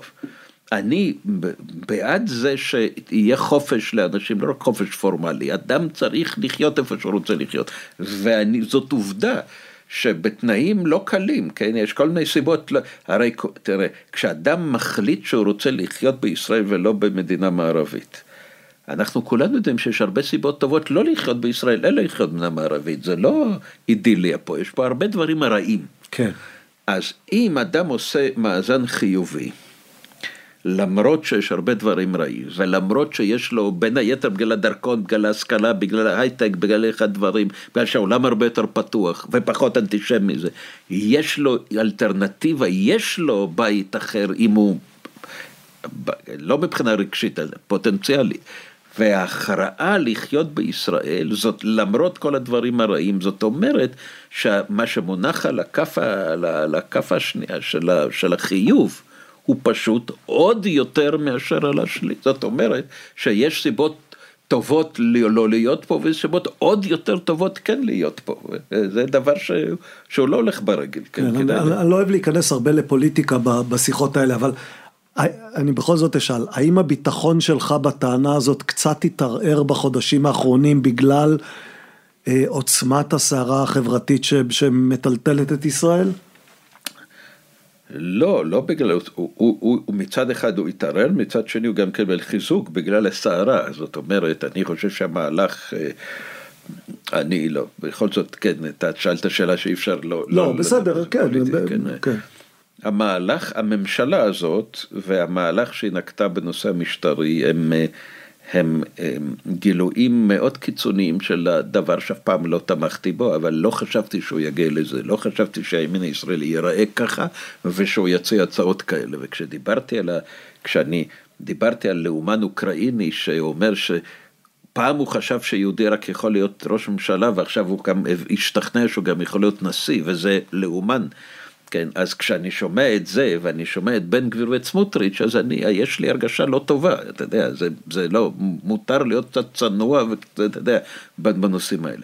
אז זה דבר, זה, זה הדבר השלילי, והדבר החיובי, שבכל זאת יש התעוררות ציבורית מאוד מאוד רחבה נגד זה, כמובן, זה לא עובר בקלות, לפי דעתי זה לא... ההצעות כפי שהן לא, בוודאי הם לא יעברו בצורתם המקורית, כלומר, לא יודע מה יהיה, אבל זה לא, זה, וצריך להגיד עוד דבר, שחלק ניכר מתומכי הימין לא תומכים במהלך כמו שהוא, לכן הסקרים האחרונים, הרי הסקרים האחרונים לא תוצאה זה שהשמאלנים כועסים, כן, אלא שאנשי ימין מתון, יש דבר כזה. בבחירות האחרונות היית יכול לחשוב שזה אגדה, אבל זה לא אגדה, מפני שאנשים... אה, פועל כאן המנגנון הדמוקרטי החשוב ביותר, שהקצנה נענשת. לטעמי באיחור, אבל הוא כן פועל, כן? כי זה המנגנון, אם זה לא פועל, אז שום, שום דבר אחר לא יגן על הדמוקרטיה, כל גם לא בתי המשפט עם כל חשיבותם, המנגנון, אם, זה, אם הבוחר גומל על הקצנה, זה קטסטרופה, ובארצות הברית, אתה יודע, זה טראמפ, כן, זה תופעה די מפחידה, זה שהוא הפסיד, אתה יודע, זה, אתה ראית את ה... באנגליה, אתה יודע, ארץ שאני מאוד מתפעל ממנה פוליטית, זה, זה בריטניה. כן, שמה... למרות שגם אצלם יש, כן. השנה וחצי האחרונות זה סדרה של כישלונות כן. אה, תראה, אחד אחרי השני. מפלגה שמרנית, אה, אפשר להגיד שהיא לא גילתה יותר מדי טעם טוב בבחירת מנהיגים. לעומת זאת, היא גילתה יכולת גדולה מאוד להיפטר מהם. בלי להגיד, אוי, זה המנהיג שאם ייקחו לנו אותו, אז כל השמרנות הבריטית תתמוטט, כל השטויות האלה שאנחנו... לא, אתה לא מספק את הסחורה, הסתבכת, בזה, וג'ון, ג'ונסון סיפק את הסחורה, רק שהוא הסתבך, פעם אחת הם אה, החליקו את זה, פעם שנייה אמרו סליחה, פעם שלישית, אבל לך, לך מפה, לא צריך אותך, כי הוא מסתבך סדרתי, כן, יש לו בעיית אישיות. והלייבור, תראה, באותו זמן שמפלגה שמרנית מחליפה אה, מנהיגים, ואגב, בוא נזכור שבסוף כן בחרה הודי, כן, כן. הודי כראש ממשלה, גם כן לא, לא, לא דבר קטן, אז, אז הלייבור, בשקט, כי הוא בפוזיציה, זרק את קורבין. קורבין הביא אותם פעם אחת לכישלון, היה רושם שכאילו אנשי קורבין כבר השתתפו, לא. זרקו אותו מהנהגה וכמעט זרקו אותו ממפלגה, בעצם הרחיק אותו מכל עמדת כוח. אז שם יש מנגנון שפועל. אצלנו, אנחנו, המערכת הפוליטית הישראלית... אנחנו לא בריטים. אנחנו לא בריטים, אני לא בטוח שאנחנו יותר קוראים מאמריקאים, כי המערכת הפוליטית האמריקאית היא עושה לי רושם די איום ונורא, אני חייב להגיד, זה כן. ממש מתחרה עם... אבל כל פנים הדמוקרטיה הישראלית היא, היא תחת מתקפה, אני מקווה אבל שהיא תעמוד במתקפה הזאת, אני חושב, כן. בוא, בוא אני, אני אקריא לך פסקה שאתה מיד תזהה אותה. כן. ובעצם כבר התחלנו לדבר על זה, אבל, אבל זה יסיט אותנו קצת לכיוון אחר. אז כך כתוב, על התפייסות מרצון בינינו לבין ערביי ארץ ישראל אין לדבר כלל, לא כעת ולא בעתיד הנראה לעין. אני מביע את הכרתי זו בצורה בוטה כל כך, לא משום שנעים לי לצער אנשים טובים, אלא פשוט כדי שהם לא יצטערו כלל. כל האנשים הטובים הללו, להוציא את העברי מלידה, הבינו בעצמם זה מכבר כי אין זה אפשרי כלל לקבל את הסכמתם מרצון של הערבים להפיכת ארץ ישראל מארץ ערבית לארץ בעלת רוב יהודי. זה מהכתבים שאתה אומר שהכי השפיעו עליך ב, בילדותך. אוקיי. אתה מצטט את קיר הברזל שלו, זה אמנם לא הפיליטונים שקראתי, אבל אמרתי לך שאני רוצה את הפיליטונים ואת מאמרי ז'בוטינסקי. נכון, כלל מאמרי ז'בוטינסקי. ודווקא את, הנה יש לי פה את הטקסט הזה, כן, וזה, כן. תראה, זה, זה מאמר. שלפי דעתי, לא, לא חייבים להסכים עם כל מה שכתוב קודם כל, את. הפסקה הזאת, כלומר, לו היה כותב את הפסקה הזאת לפני שנתיים, היינו מניחים שזו פסקה שנכתבה זה עתה, כמעט.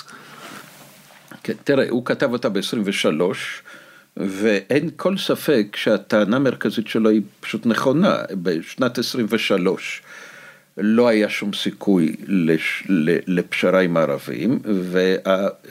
הסיכוי הזה בעתיד, זה היה נכון להגיד ב-23, הסיכוי הזה מותנה בזה שאנחנו נרכוש עמדת כוח, שהוא קורא לה קיר הברזל. קיר הברזל, מה שנשאר מהמאמר, מהמאמר הזה זה הדימוי הכוחני של קיר הברזל. למשל תשים לב שזה, שהוא דימוי הגנתי, כן, כן זה לא כן. הכרעה כוח, כן. זה לא הכרעה של סמוטריץ', אלא יכולת, קיר הברזל שלו זה דבר מאוד ספציפי. זה מצב שבו הם לא יכולים למנוע את מה שהם רוצים למנוע, ומה שהם לא יסכימו להשלים אותו זה הגירה יהודית.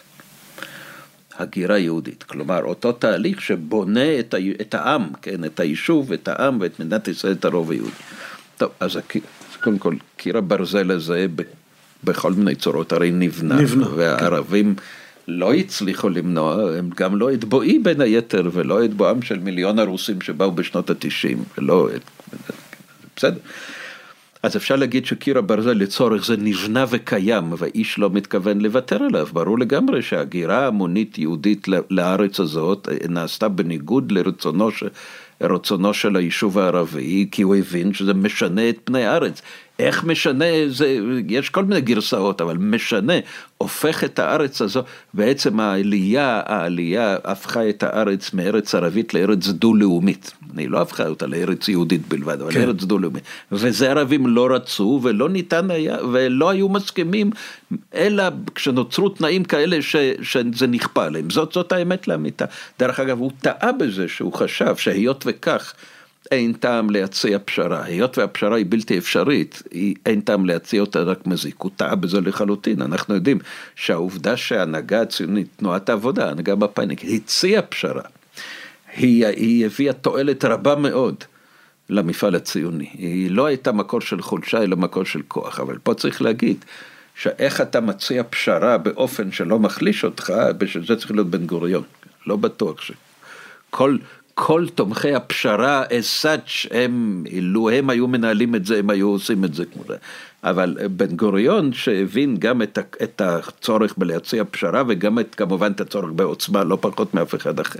אז זה באופן כללי, כעניין של, אין, אין, וגם היום ברור לי עם כל, הש, כל ההבדלים, שמדינת ישראל, אם היא לא תהיה מדינה חזקה, אם תרצה בעלת קיר הברזל, היא פשוט לא תתקיים. נו, מה, מישהו. מישהו ברצינות מפקפק בזה? אגב, אבל... אתה יודע, אחד הדברים, כלומר, בהכנות לשיחתנו עשיתי כל מיני דברים, קצת כן. הצצתי במאמרים של ז'בוטינסקי ובספרים האחרים. וגם קראתי אה, אה, כמה דברים אודותיך, כולל את הערך בוויקיפדיה. והדבר שכתוב עליך בוויקיפדיה, אני חושב הכי באריכות, זה על ימי תמיכתך בתהליך אוסלו בשנות התשעים. עכשיו יש פה, לכאורה יש פה איזה, איזה אה, סתירה מיני ובי בין מי שבא ואומר, אני רוצה לדבר על ז'בוטינסקי שהשפיע עליי ועל מאמריו, לבין, אה, לבין יעקובסון של ויקיפדיה שהוא מה, מהאנשים של אוסלו. אני חשבתי כשתמכתי באוסלו שתהליך אוסלו הוא תוצאה שקיר הברזל כבר נבנה.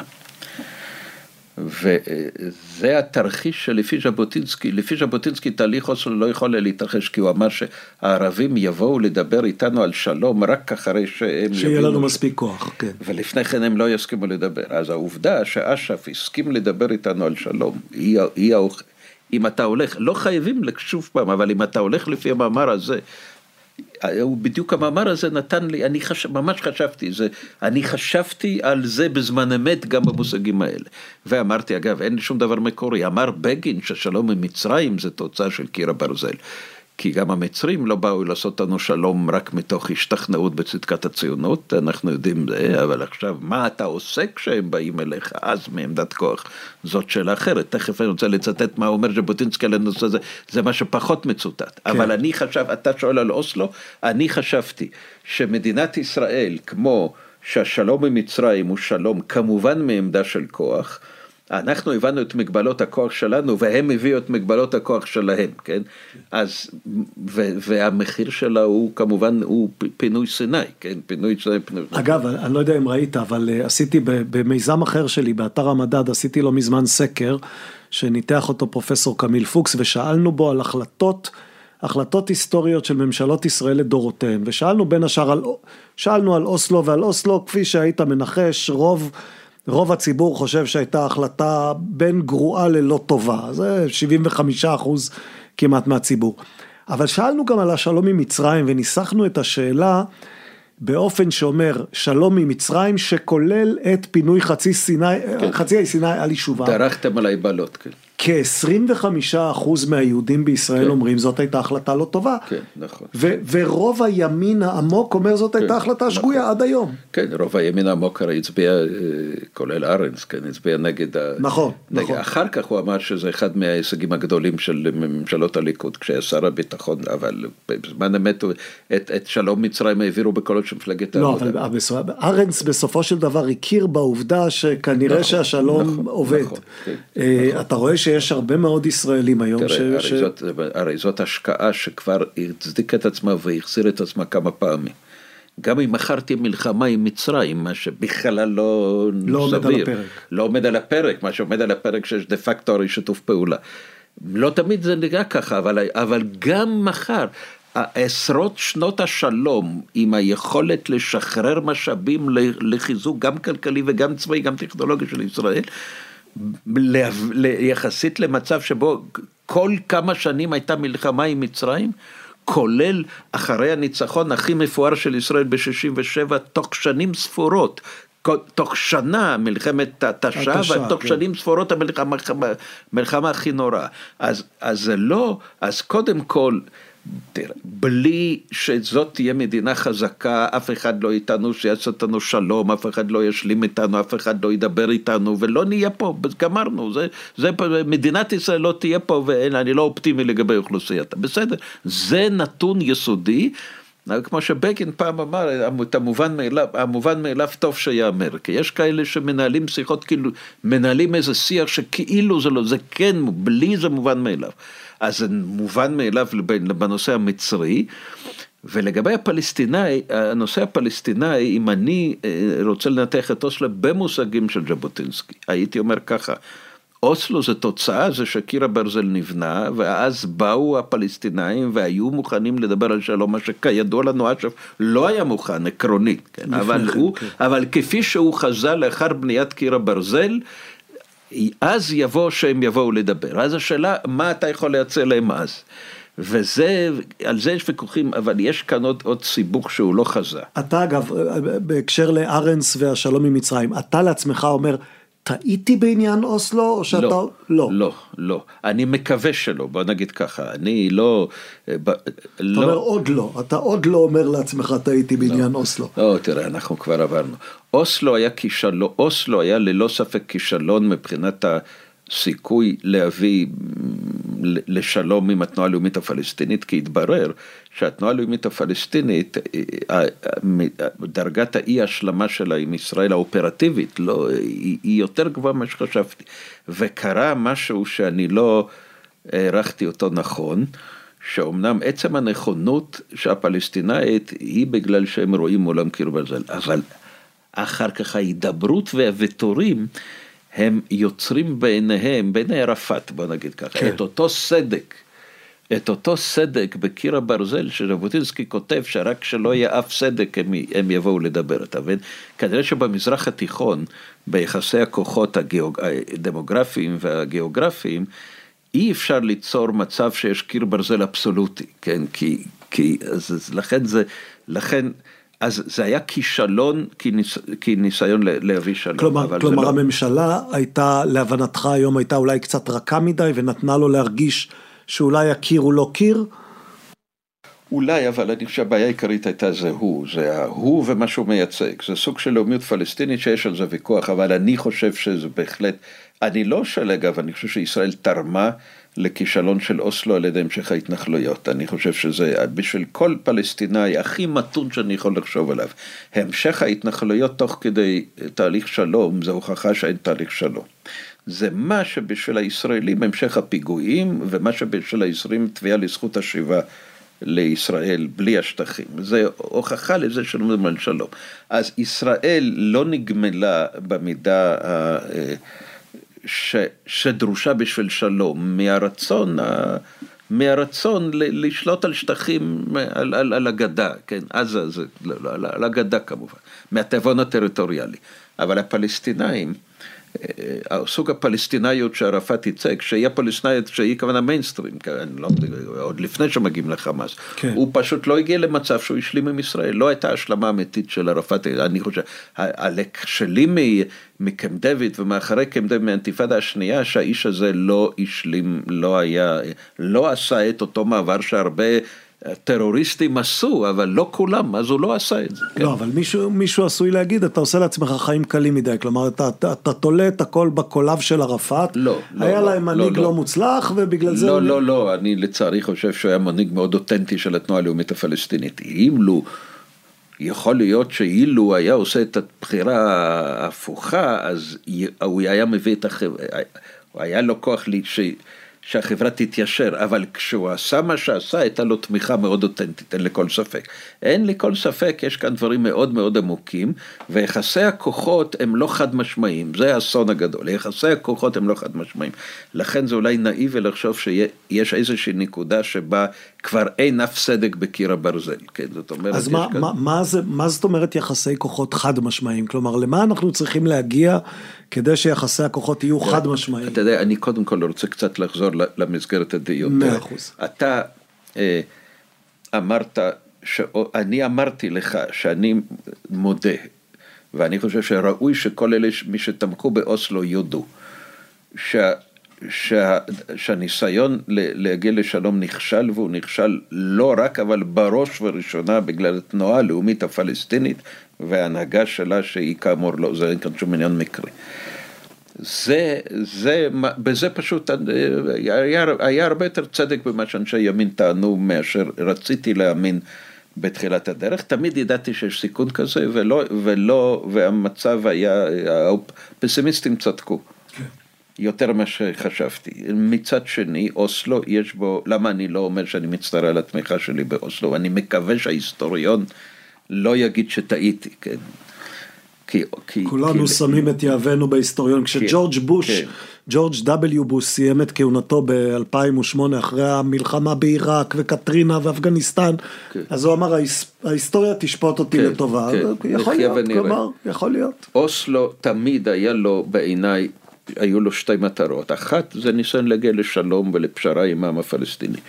השנייה זה להציל את מדינת היהודים, להציל את מדינת ישראל, מפני שהנצחת השלטון הישראלי בשטחים, בדינמיקה שתחת שמיר הגיע לשיא, כן, לעוד ועוד התנחלויות, עוד בעוד בעומק השטח עוד ועוד, זה דבר שלפי דעתי הוא, הוא היסטורית גזר דין מוות למדינת ישראל, בלי קשר לשאלה של שלום, כן שלום או לא שלום. כי אני חושב ששלטון על כל הארץ שלטון ישראלי על כל הארץ, זה בסוף, המשמעות שלו היא לא הפיכתנו למדינה דו-לאומית, אלא הפיכתנו למדינה ערבית.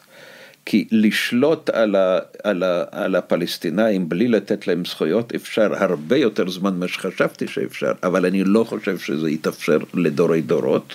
אני גם מתנגד לזה, אבל אני לא חושב שזה יתאפשר לדורי דורות. ואם הרגע ש, שבו כבר לא ניתן להמשיך לשלוט על אנשים בלי לתת להם לא עצמאות ולא אזרחות. אם הרגע שבו זה לא יתאפשר, כי אומרים לנו שזה לא יפה, אבל יש כל מיני סיבות שבגללם עדיין אפשר לעשות את זה.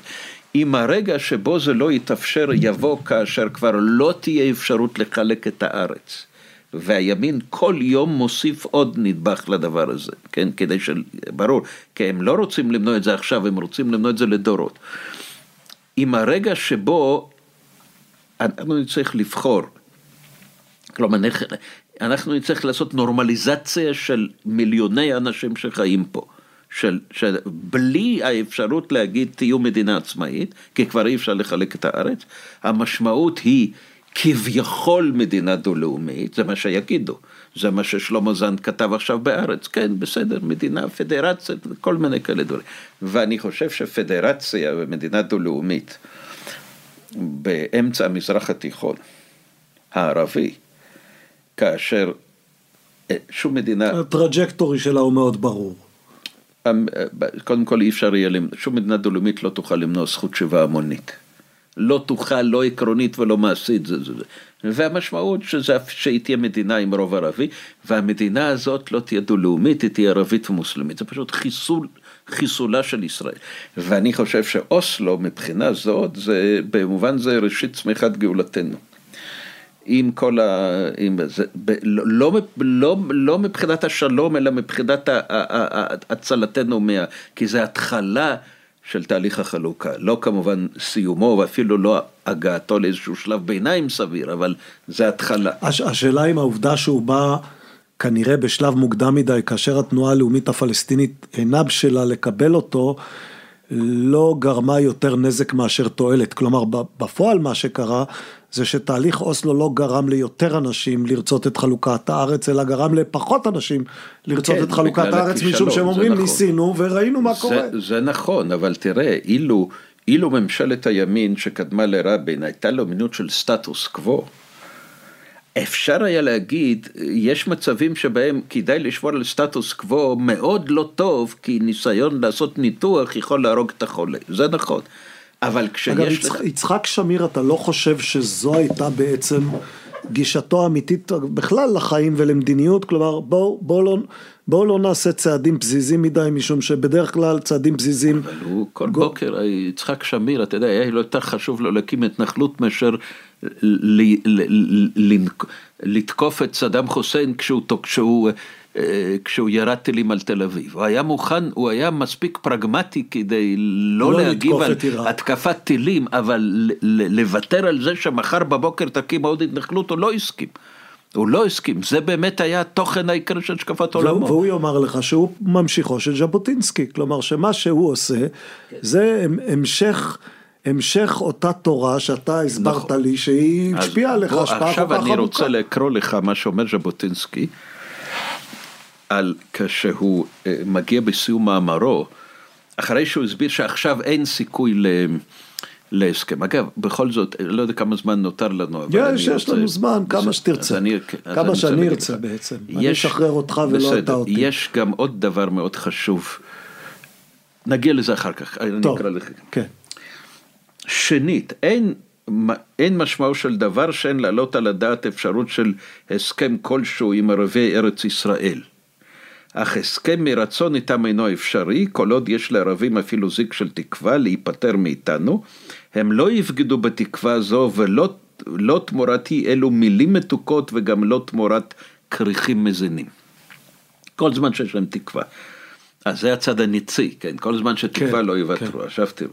זאת דווקא מפני שאין הם אספסוף אל העם, אמנם נכשל. ברוסית זה הרבה יותר יפה, אני יכול להגיד לך. הוא אומר ברוסית, נזברות הנרות אצטלי נושיבוי. לא אספסוף אל העם, נכשל אבל חי. כן, הם, ערבי ארץ ישראל, אגב כמובן אומר ערבי פלסטינה כמובן, אבל כן, אין מה לעשות, כן, זה התרגום, כן. אין, אי אפשר לתרגם את זה מדויק, כי ככה זה, זה, אז ערבי פלסטינה, הוא כותב ב-23, הם עם, עם זה, הוא לא חשב שיש עם פלסטיני באיזשהו מובן לאומי שונה, אבל הם ציבור לאומי שיש לו יש לו, יש לו, הוא ישות לאומית שהארץ הזאת היא מולדתם ואין לה מולדת אחרת, הם לא יוותרו על המולדת שלהם. ולכן אין, אי אפשר להתפשר אלא אם נכריח אותם, כי יהיה לנו מספיק כוח. ואז הוא אומר, okay. כן. אז עם חי מסכים לוויתורים בשאלות גורליות, גורליות בחשיבותן, שחשיבותם אדירה, רק כאשר אין לו כל תקווה כאשר בקיר הברזל לא נראה אף לא סדק אחד. דיברנו על זה. רק אז מאבדות את קסמן קבוצות קיצוניות, שסיסמתן היא לעולם לא. רק אז הבן גבירים והסמוטרים של הפלסטינאים יאבדו את, את, את, את, את התמיכה האינטואיטיבית, שזה הכל שלנו, זה מה פתאום שנתפשט. והשפעתם, וההשפעה עוברת לידי קבוצות מתונות. רק אז יבואו אלינו אנשי הקבוצות האלה המתונות. ובידם הצעות לוויתורים הדדיים.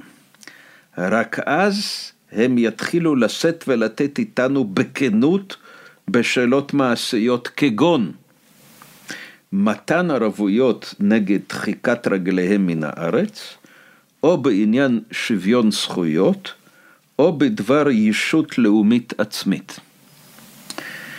ואני מאמין ומקווה שנוכל לתת להם ערובות כאלה שירגיע אותם, ושני העמים יוכלו לחיות זה לצד זה בשלום ובהגינות. הוא לא מדבר על אחוות עמים, אבל הם יחיו בשלום ובהגינות. אבל הוא אומר, אבל כל האידיליה הזאת תקרה רק כשיבדק קיר הברזל. עכשיו, למה הוא מתכוון? יש, נעשו ניסיונות להגיד, הביט, זה תרגום לא רע של הביטוי הרוסי נציונלנס המביטנס, ישות קיום עצמי לאומי. לאומי, כן. שוויון זכויות ברור, כמובן לא אלא לדעת שתהיה מדינה יהודית שבה יהיו ערבים שלא ייהנו משוויון זכויות, זה מובן, אבל הוא, הוא, האמת היא שהולך הרבה יותר מזה. אנחנו יודעים שלמרות שקיום עצמי לאומי יכול להיות מדינה עצמאית, אבל מה שהוא באמת התכוון זה מה שהוא כתב, ב, ב, ב, יש לו בשנות ה-30 הוא ניסח חוקה, חוקה, מפלגה רוויזיוניסטית. וזה מצוטט בחזית המלחמה של עם ישראל בספר האחרון שלו.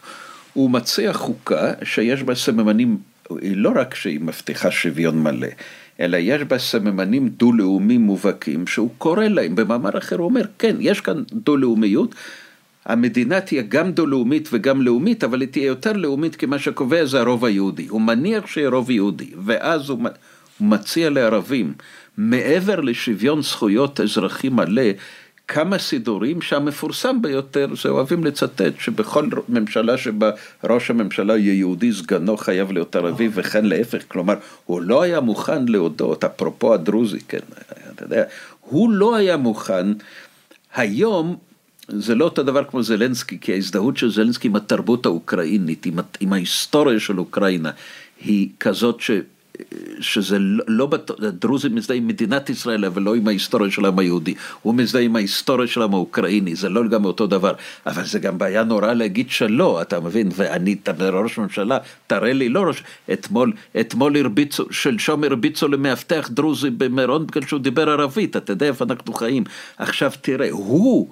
מנהיג הציונות הימנית, לא מוכן לשלול אפשרות שראש ממשלת ישראל יהיה ערבי. אבל אם הוא יהיה יהודי, אני מניח שהוא הניח שבדרך כלל יהודי, אז סגנו חייב להיות ערבי. עכשיו, מה זה אומר במושגי ימינו? הוא באמת, אז מה זה ישות? זה האוטונומיה הלאומית-תרבותית שהוא מציע, והוא מציע, הוא אומר, במדינה היהודית, במדינה העברית שהוא רוצה להקים, יהיו שתי א', הוא מציע שתי שפות במעמד שווה.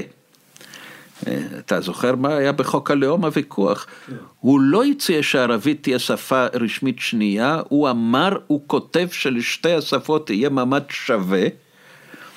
הוא אומר שיהיו שני פרלמנטים שינהלו את ענייני התרבות והחינוך של שתי הקהילות, וחוץ מזה יהיה כמובן פרלמנט משותף ותהיה ממשלה שבה יהיה ראש ממשלה סגן. הוא אומר שיהיה בית משפט מיוחד לענייני קרקעות, שידאג שהחלוקה של קרקעות המדינה תהיה הוגנת בין, בין, ה, בין היהודים והערבים.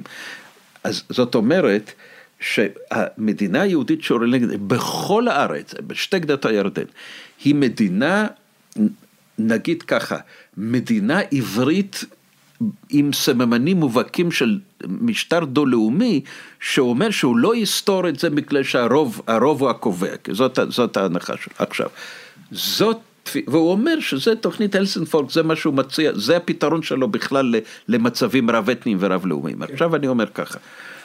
זאת אומרת, אם אתה רוצה במושגים של פוליטיקה של היום, ז'בוטינסקי הוא ימינה מהליכוד בשאלה הטריטוריאלית, והוא שמאלה ממרץ בשאלה משטרית.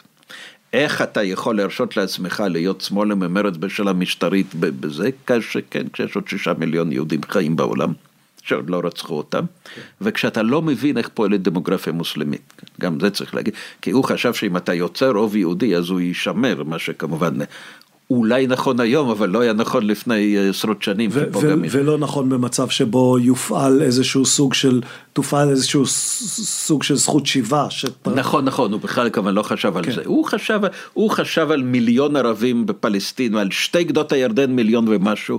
הוא חשב על עם יהודי של 17-18 מיליון, שמיליונים מבניו הם במצוקה נוראה, אבל עוד לא רצחו אותם, כן? והוא, ואף אחד לא רוצה אותם. והוא חשב, והוא חשב, כן, הוא טעה במשהו כאן. יהודי אוקראינה, ליטא נכון. ופולין יבואו כן, לארץ ישראל. כן, פולין ורומניה והונגריה, כן, כן, מי, זה פולנים, לא פולנים, שלושה מיליון יהודים שלהם כאן, הם מאוד ירצו להגיע להם לזה.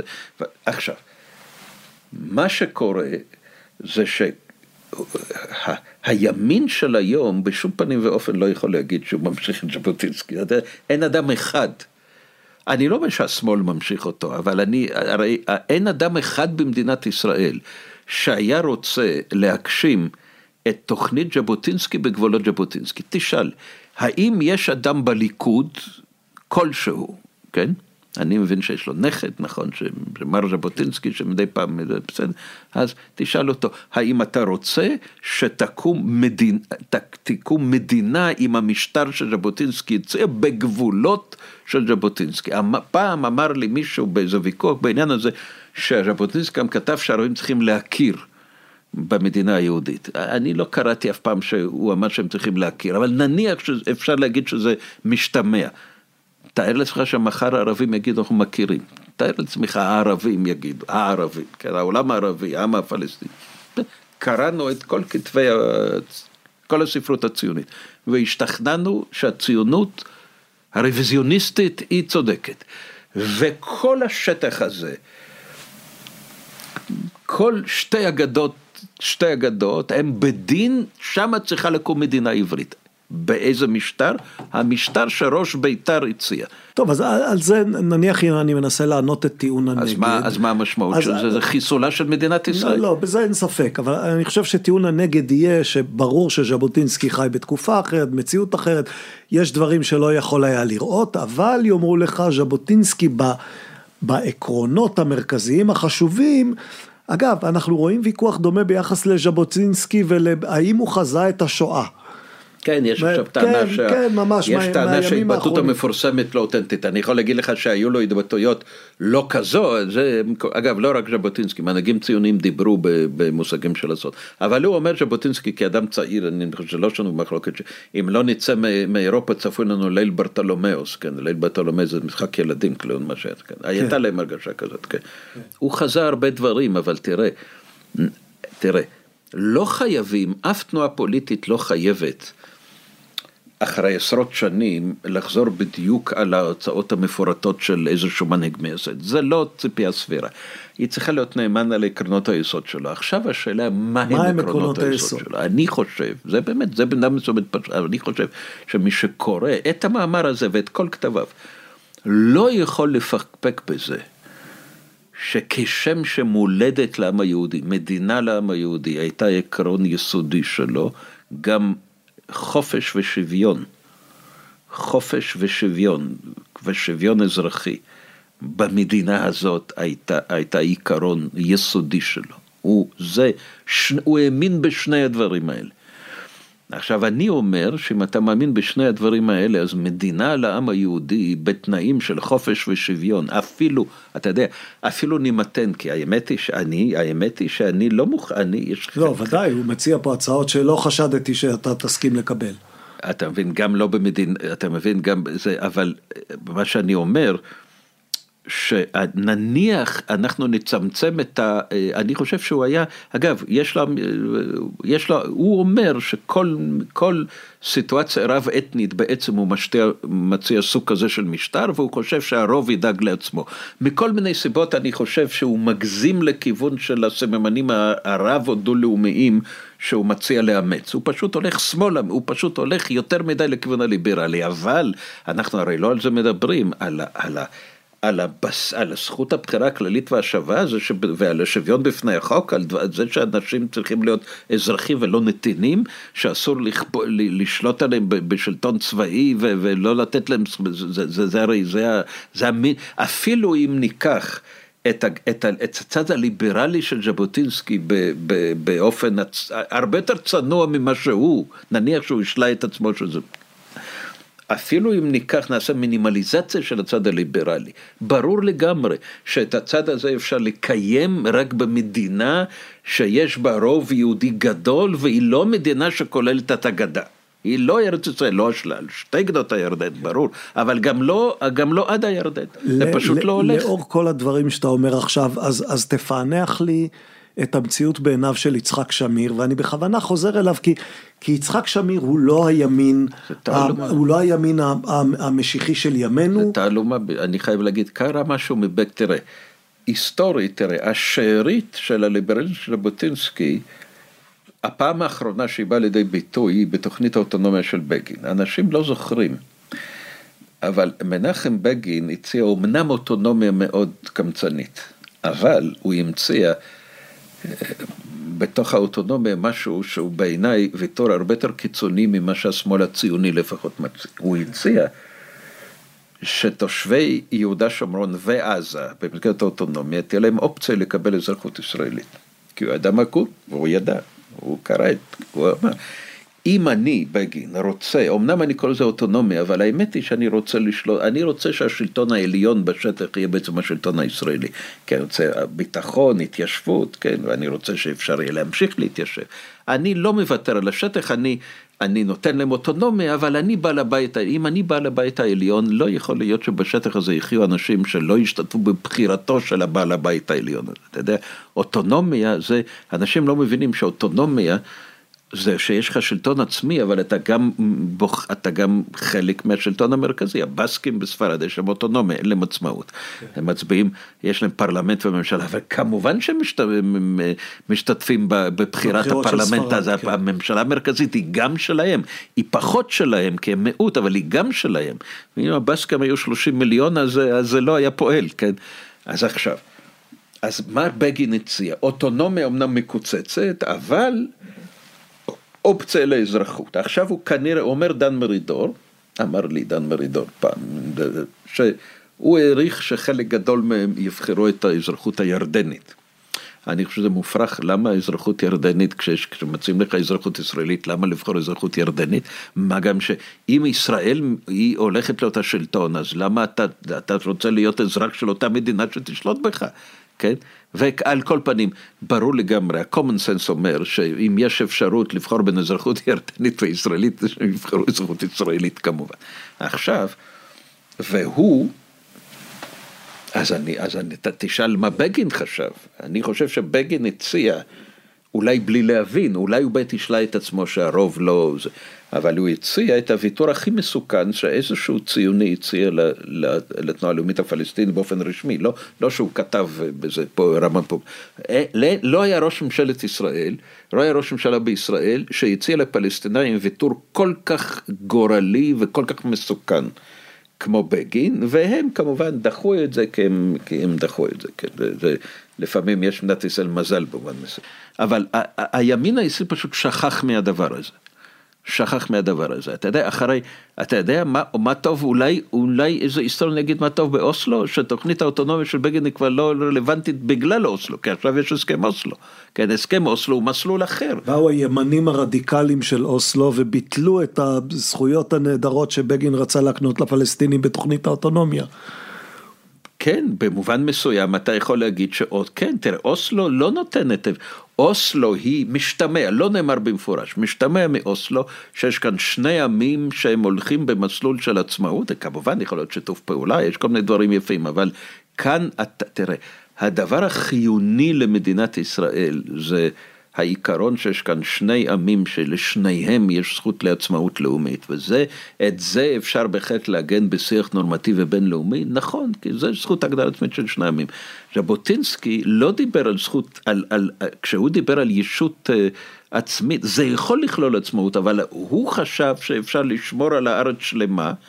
אבל אם אתה שומר אותה שלמה בתנאים שלו, אתה, אתה, זה ויתור הרבה יותר קיצוני מאיזשהו איש שמאל ציוני או, או, או חצי ציוני, כן, מציע. קשה לנו, אתה יודע, היום, היום במדינת ישראל, העקרונות הליברליים והדמוקרטיים זה נראה כמו איזה לוקסוס או כמו איזה נחלה של מחנה אחד.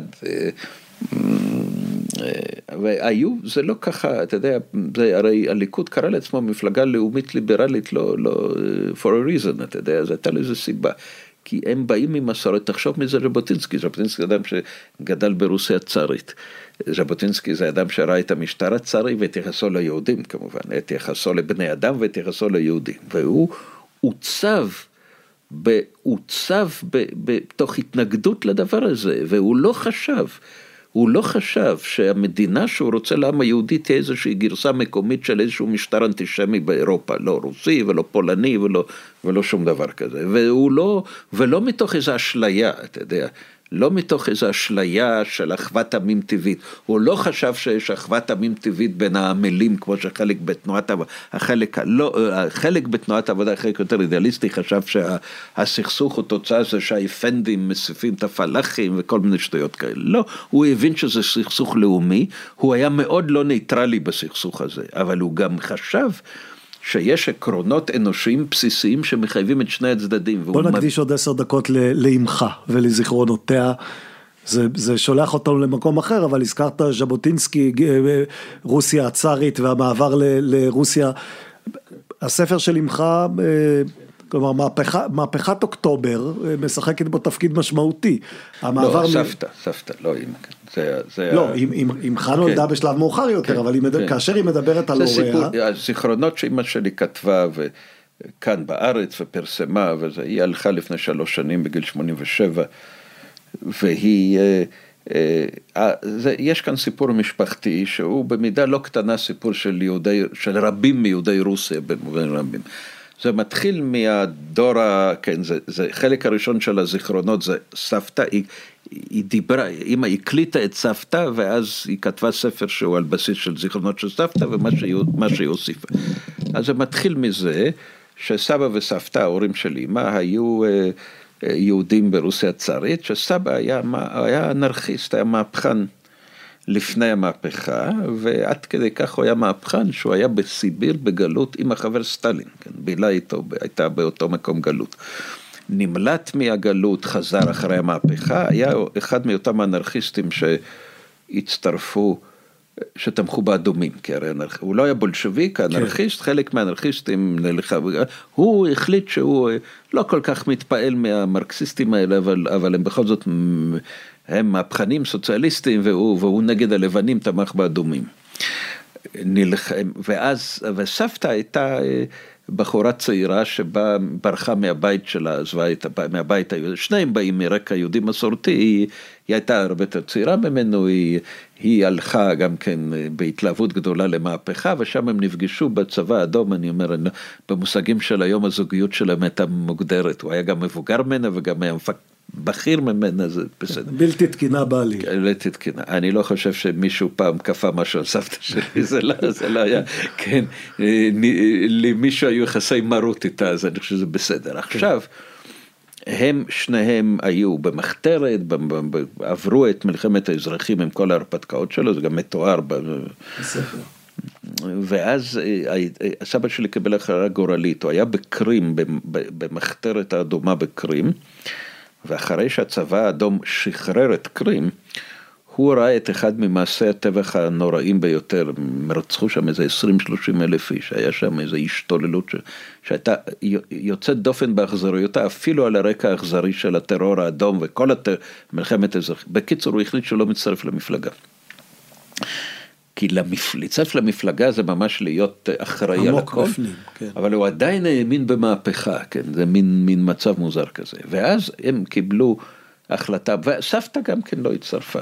כן, הם היו, אז הם לא היו חברי מפלגה, אבל הם עדיין האמינו שבמהפכה. אז הם בהתחלה התגייסו לקומינטרן כדי לחרחר את המהפכה העולמית.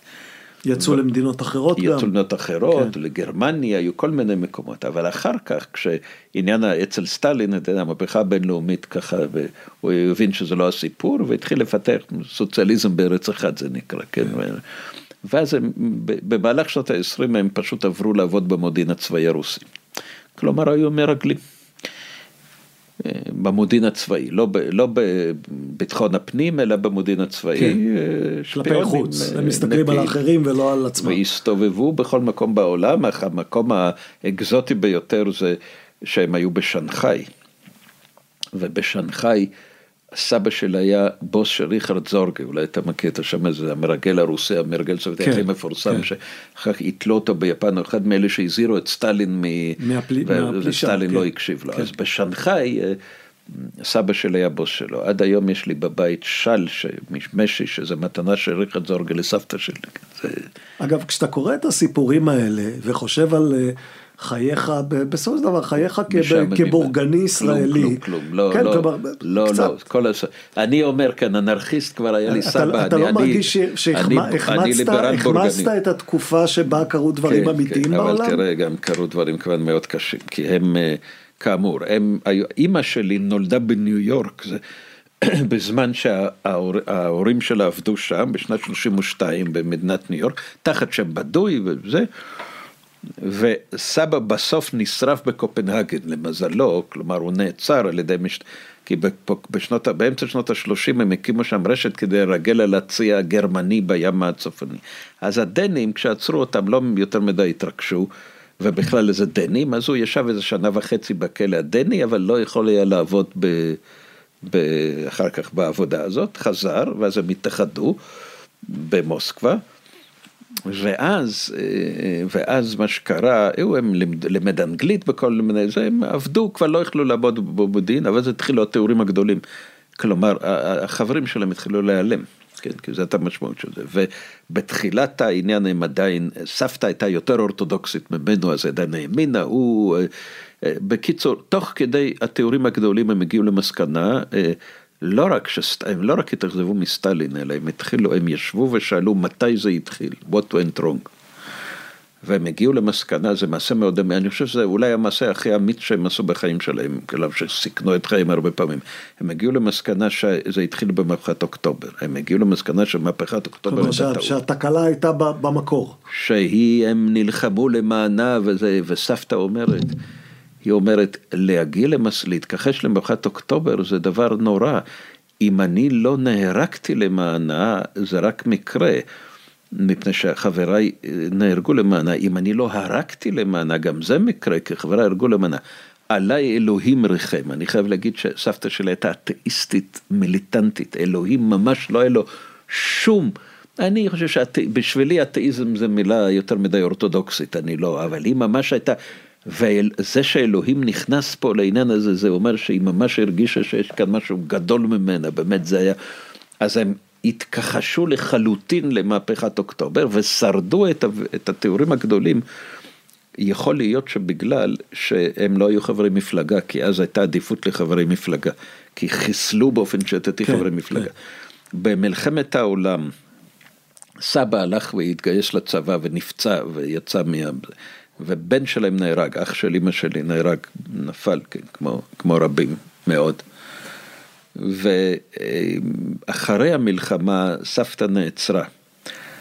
היא נעצרה משום שבזמן מלחמה היא עבדה עם עיתונאי זר ודיברה איתו, והוא, והוא שהוא, הוא, בקיצור, הוא אה, עיתונאי מערבי שלא הבין שצריך להיזהר כשאתה מספר מה ש... בקיצור, עצרו אותה, האשימו אותה בריגול, וזה דן אותה ל-15 שנות מאסר. הייתה לה חקירה מאוד קשה, לא, לא הרביצו לה, אבל מנעו ממנה שינה, היא ככה די, ממש פגעו לה בבריאות. סבא כתב מכתב לסטלין, כבני משפחה לחצו עליו, הוא לא האמין בזה, עצרו אותו, נתנו לו עשר שנים. המכתב לא הגיע לסטלין, אחרי זה היה הסוף שלו. אז שני, שני ההורים של אימא, היא נשארה בלי ההורים, ואז היא הצטרפה ל... היא הצטרפה ל... לקבוצת סטודנטים, סוג של מחתרת, כן, שרובם היו, רובם היו יהודים למרות שלא היה בזה עניין יהודי, ועניין יהודי אידיאולוגי. הם, כן, הם, חשבו שאנטישמיות זה חלק. אתה לא באמת חושב שזה המקרה שרובם היו יהודים, או שאתה חושב שזה מקרה? אני לא יודע, יש לי ויכוח עם מישהו שאחד החברים האחרון שנשאר אומר לי שאני ממעיט בחשיבות של האנטישמיות כמניע להצטרפות. אבל אני חושב שאצל אימא שלי, היא תמיד, היא סירבה לראות את עצמה כאסירת ציון, כי עצרו אותם, והיא קיבלה 25 שנות מאסר, ושלושה מראשי המחתרת הזאת, זו קבוצת סטודנטים ש... מרקסיסטים שהפיצו, חשבו, לא הפיצו, תכננו להפיץ כרוזים שצריך לתקן, שהסוציאליזם של סטלין זה לא הסוציאליזם האמיתי, אתה מבין? אז היא קיבלה 25 שנים ומתוכם היא הייתה חמש, חמש שנים בכלא, ב-56 אה, שחררו את כולם, הם נפגשו במוסקבה. 56 זה אומר כבר חרושצ'וב משחרר אותם כן, בעצם אחרי, אחרי זה, סטלין. זה, לכן אני אומר זה ההיסטוריה, השחרורים ההמוניים החזירו את שלושתם, כן, כלומר הצילו, כלומר... וזה כבר זמן לא רב לפני, לפני שאתה נולדת. ואז היא פגשה את אבא שלי שהיה סטודנט במוסקבה, ב-56, באותה שנה היא התחתנה, ב-59 אני נולדתי. עכשיו, החבר הזה, שהוא שם מהקבוצה, אומר לי שהוא, לפי דעתו, בשבילו, בשביל אחרים, חלק גדול מהמניע של הצטרפות לקבוצה הזאת הייתה אנטישמיות. אצל אימא, לפי דעתי, המניע הכי חשוב שעצרו את ההורים שלה, היה לה, היה לה כעס גדול לזה שההורים, היא, היא הכירה את האנטישמיות, אבל אני לא חושב שהיה עניין מרכזי. אה, האשימו אותם שהם לאומנים יהודים, אבל זה חלק מהאנטישמיות. היא סירבה בכל תוקף לבקש מיל, אה, תמיכה של אסירת ציון, כי היא אמרה, מה אכפת לי מה המנוולים האלה כתבו בפסק דין? אני, אני יודעת שלא היינו כן. ציונים, כן. ומה מדינת ישראל אשמה בשטויות שעשיתי. מה שמעניין זה שבאמת, אם אתה לוקח את 100, 150 שנים האחרונות בחיים של העם היהודי, כמעט כן. בכל משפחה אפשר למצוא סיפורים כאלה. זה בדיוק, כן, כן, הארץ הזאת הרי מלאה סיפורים שלא היו, אבל פה, אז הסיפור גם נמשך במובן זה שבשנות ה-60 אבא שלי הפך לדיסידנט, כן, ב, כן, דיסידנט בברית המועצות.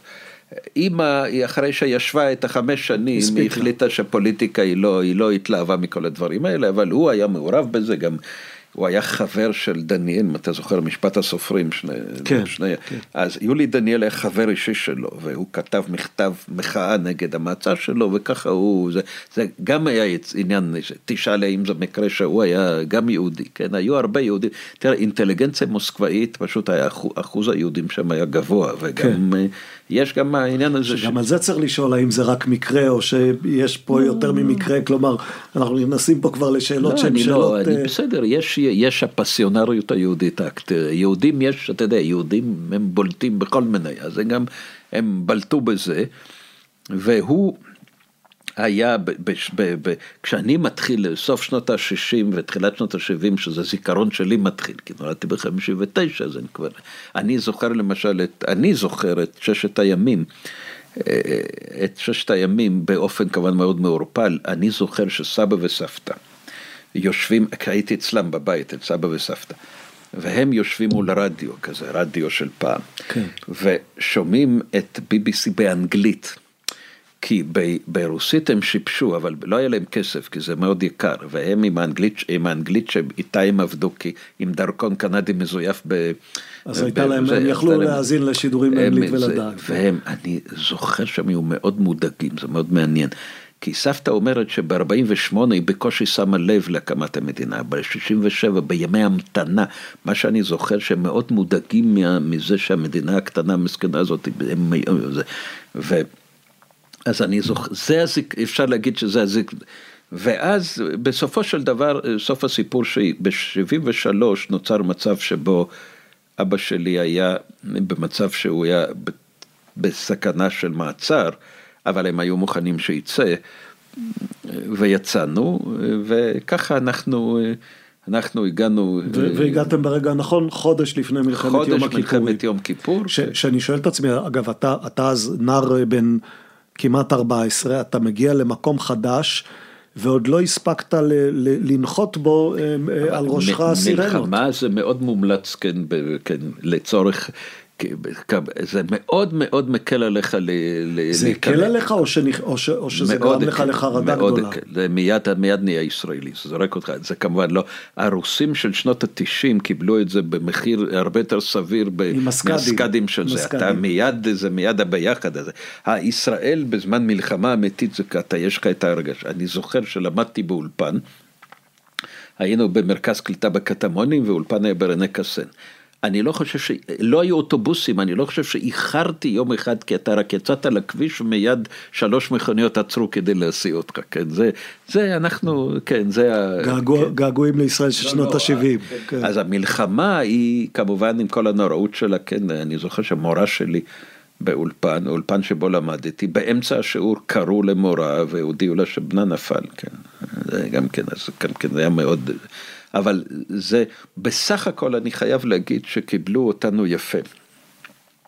ואני, ואני רוצה להגיד שגם הרוסים של שנות התשעים, בסך הכל, למרות שמאוד אופנתי עכשיו, כי היות וכל אחד קורבן, אז גם הרוסים מספרים את סיפור הקורבנות שלהם. ואם הייתי רוצה לספר את כל המקרים של, של הערות אנטי רוסיות, עדתיות. אז, אז יש לך אני יכול לכתוב על זה אנציקלופדיה, כן. אני יכול, אבל למרות זאת אני אומר לך שלפי דעתי בסך הכל החברה הישראלית זה הבסך הכל, בדגש על הבסך הכל, כן? כן. לעומת מה שצפוי בזה, אתה גם יודע שילדים זה מה מחזרי, אתה בילדים, בסך הכל אני חושב שהעניין הזה שעולים אתה יודע, העולים, הקבלה הזאת שיהודי שבא לפה, הוא, אתה יכול, יכול להיות שאתה לא כל כך אה, מסתדר איתו, אבל אתה לא, אבל הוא, הוא נמצא פה בזכות, זה דבר טבעי, זה כאילו, זה, זה, זה אין, אין בכלל, אה, לא יכול להיות, סך הכל אני חושב ש, אני חושב שסך הכל קיבלו אותנו יפה, כן. אלכס יעקובסון, תודה רבה. תודה לך.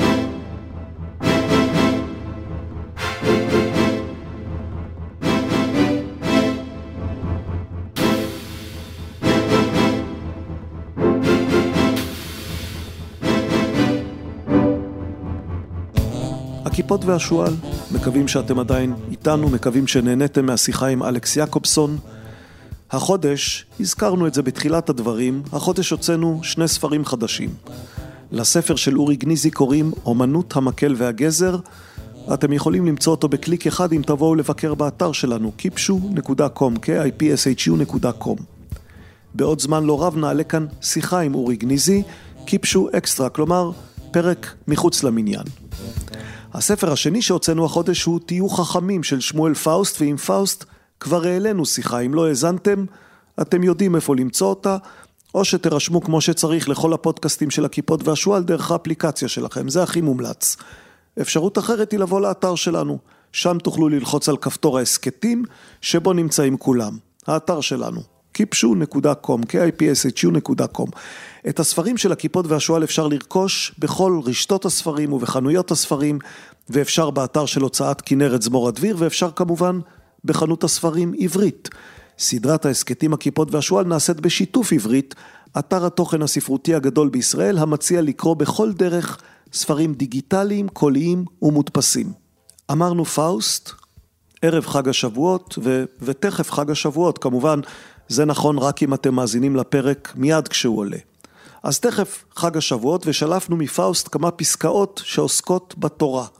וצריך להבהיר, הספר של פאוסט הוא לא ספר פרשנות, לא על התורה ולא על התלמוד ולא על המדרש. הספר שלו הוא יותר כמו ספר, ספר ניהול, לא בדיוק ספר ניהול, אבל יש בו איזה ניחוח של מדריך לחשיבה נכונה.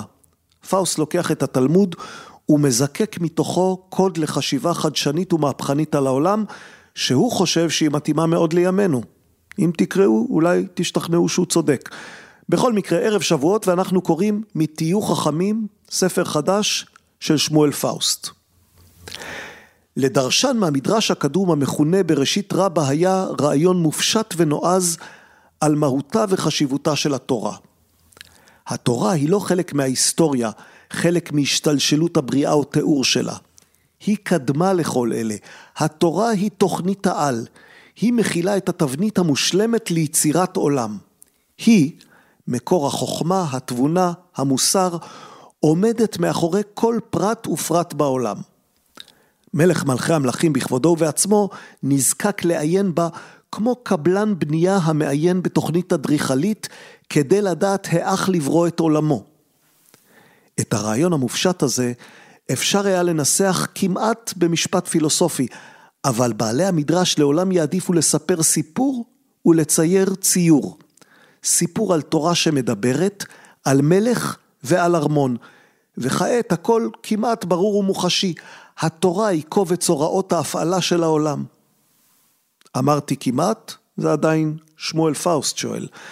אמרתי כמעט מכיוון שהרעיון הפרדוקסלי הזה סבוך ועמוק מכפי שנראה לעין, אבל הרעיון עצמו, כמו הנועזות שמאחוריו ותפיסת העולם האנרכיסטית שביסודו אינם עניינו של פרק זה, הוא מדבר על הפרק בספר, אלא תפיסת העולם הנרטיבית והחזותית של החכמים הדרשנים, כאילו הסיפור עצמו אומר לנו כאן, אני הייתי כלי אומנותו של הדרשן, כלי שמאפשר העברת מסר שנקלט בחושים ולא מסתפק ברובד החשיבה המופשטת בלבד. באותו קובץ מדרשים קדמון, אנחנו ממשיכים לקרוא משמוליק פאוסט, תהיו חכמים, הספר החדש של הכיפות והשועל. באותו קובץ מדרשים קדמון מציג העורך את אחת התמיהות הגדולות ביחס לטקסט המקראי של ספר בראשית. תמיהה שהשלכותיה מתחדדות כשמבינים שמדובר בתיאור הרצח הראשון בעולם. סיפור הרצח נמסר בשפה לקונית במילים ספורות בפסוק הבא. ויאמר קין אל הבל אחיו, ויהי בהיותם בשדה, ויקום קין אל הבל אחיו, ויהרגהו. האחים היחידים בתבל נפגשים בשדה ושם הורג אח את אחיו. למה?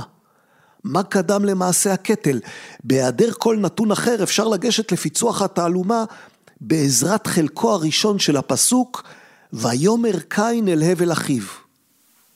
הייתה שם אפוא שיחה, או לפחות מונולוג שקדם לרצח, וכאן מתעצמת התמיהה, מה נאמר באותו אקט של דיבור? תיאורו של המספר בפסוק הסופר דרמטי הזה נקטע בחלק המותח והחשוב ביותר. העיקר חסר מן הספר. התיאור החסר מפעיל את חז"ל. ניצבים אל מול הפער הזועק, הם נכנסים לפעולה דרשנית דחופה. המדרש על הפסוק מציג שאלה פשוטה, על מה היו מתדיינים? על מה דיברו קין והבל? כאן עורך המדרש מציג בחוכמה שלוש אפשרויות שונות למילוי הפער, שלוש אפשרויות לתוכן הדיאלוג הנעלם של האחים הקדמונים. על מה היו מתדיינים? על מה דיברו קין והבל? ולמה הדיבור שלהם אז מעניין אותנו ורלוונטי לנו היום? זה בתהיו חכמים של שמואל פאוסט, שם תמצאו את התשובות. ונזכיר שלפני שהוצאנו אותו, הוצאנו עוד ספרים, כבר לא מעט, את התמונה הגדולה של שון קרול, שיש בו פיזיקה ופילוסופיה, את סדרה של צירופי מקרים מוצלחים, שיש בו גיאולוגיה, אבולוציה וגם קצת הסתברות, את שבע האגדות שלנו, שיש בו את טרומפלדור, חנה סנש, שיירת הל"ה, קרב ניצנים, את האם העולם באמת קיים של יצחק בן ישראל וגיא פינקלשטיין ועוד ועוד. את כל הספרים שלנו תמצאו באתר הכיפות והשועל, ואם אתם באים לבקר יהיה טוב אם תירשמו לניוזלטר, תקבלו אותו פעם בחודש, לא יותר, ותוכלו להתעדכן גם איזה ספרים יצאו, גם איזה הסכתים חודשו, וגם תוכלו להציץ בקריקטורות של הכיפות והשועל. יש דבר כזה. עד כאן להפעם. כמעט, כמעט עד כאן להפעם. באחד מקבצי הפזמונים לחג השבועות מצאתי שיר מוכר, הוא בטח מוכר גם לכם. מלאו אסמינו בר ויקבינו יין, בתינו הומים הומים מתינוקות, ובהמתנו פורה. מה עוד תבקשי מאיתנו מכורה? ואין, ואין עדיין. פנחס לנדר אלעד כתב את השיר הזה, הוא נולד ברופשיץ, גליציה, למד בחדר ואחר כך בבית מדרש למורים יהודים בקרקוב. הוא השתתף בעריכת הדו-שבועון העתיד, ביטאון הסתדרות החלוץ בפולין. ב-1937 עלה לישראל, הוא עבד בחקלאות בקבוצת כנרת ובמקווה ישראל, ואחר כך היה עיתונאי בהארץ. על חלק מיצירותיו חתם בשמות עת, פ' אזי, א' תושב, פ' ארצי ועוד. את שירו הראשון פרסם ב-1924 בכתב העת הכוכב, וכמה משיריו הולחנו. מלאו אסמנו בר הוא המוכר מביניהם, הלחן היפה הוא של דוד זהבי שכמעט כל לחניו יפים. מלאו אסמנו בר ויקבנו יין, מה עוד תבקשי מאיתנו מכורה? מקווים שהייתה האזנה טובה, שהייתה שעה טובה, מאחלים יום טוב, שבוע טוב, חודש טוב. אחרי שבועות בא הקיץ, ואנחנו כאן, גם בקיץ, מבשלים במזגן את המפגש הבא שלנו בערך בעוד שבועיים. להשתמע בקרוב. Thank you.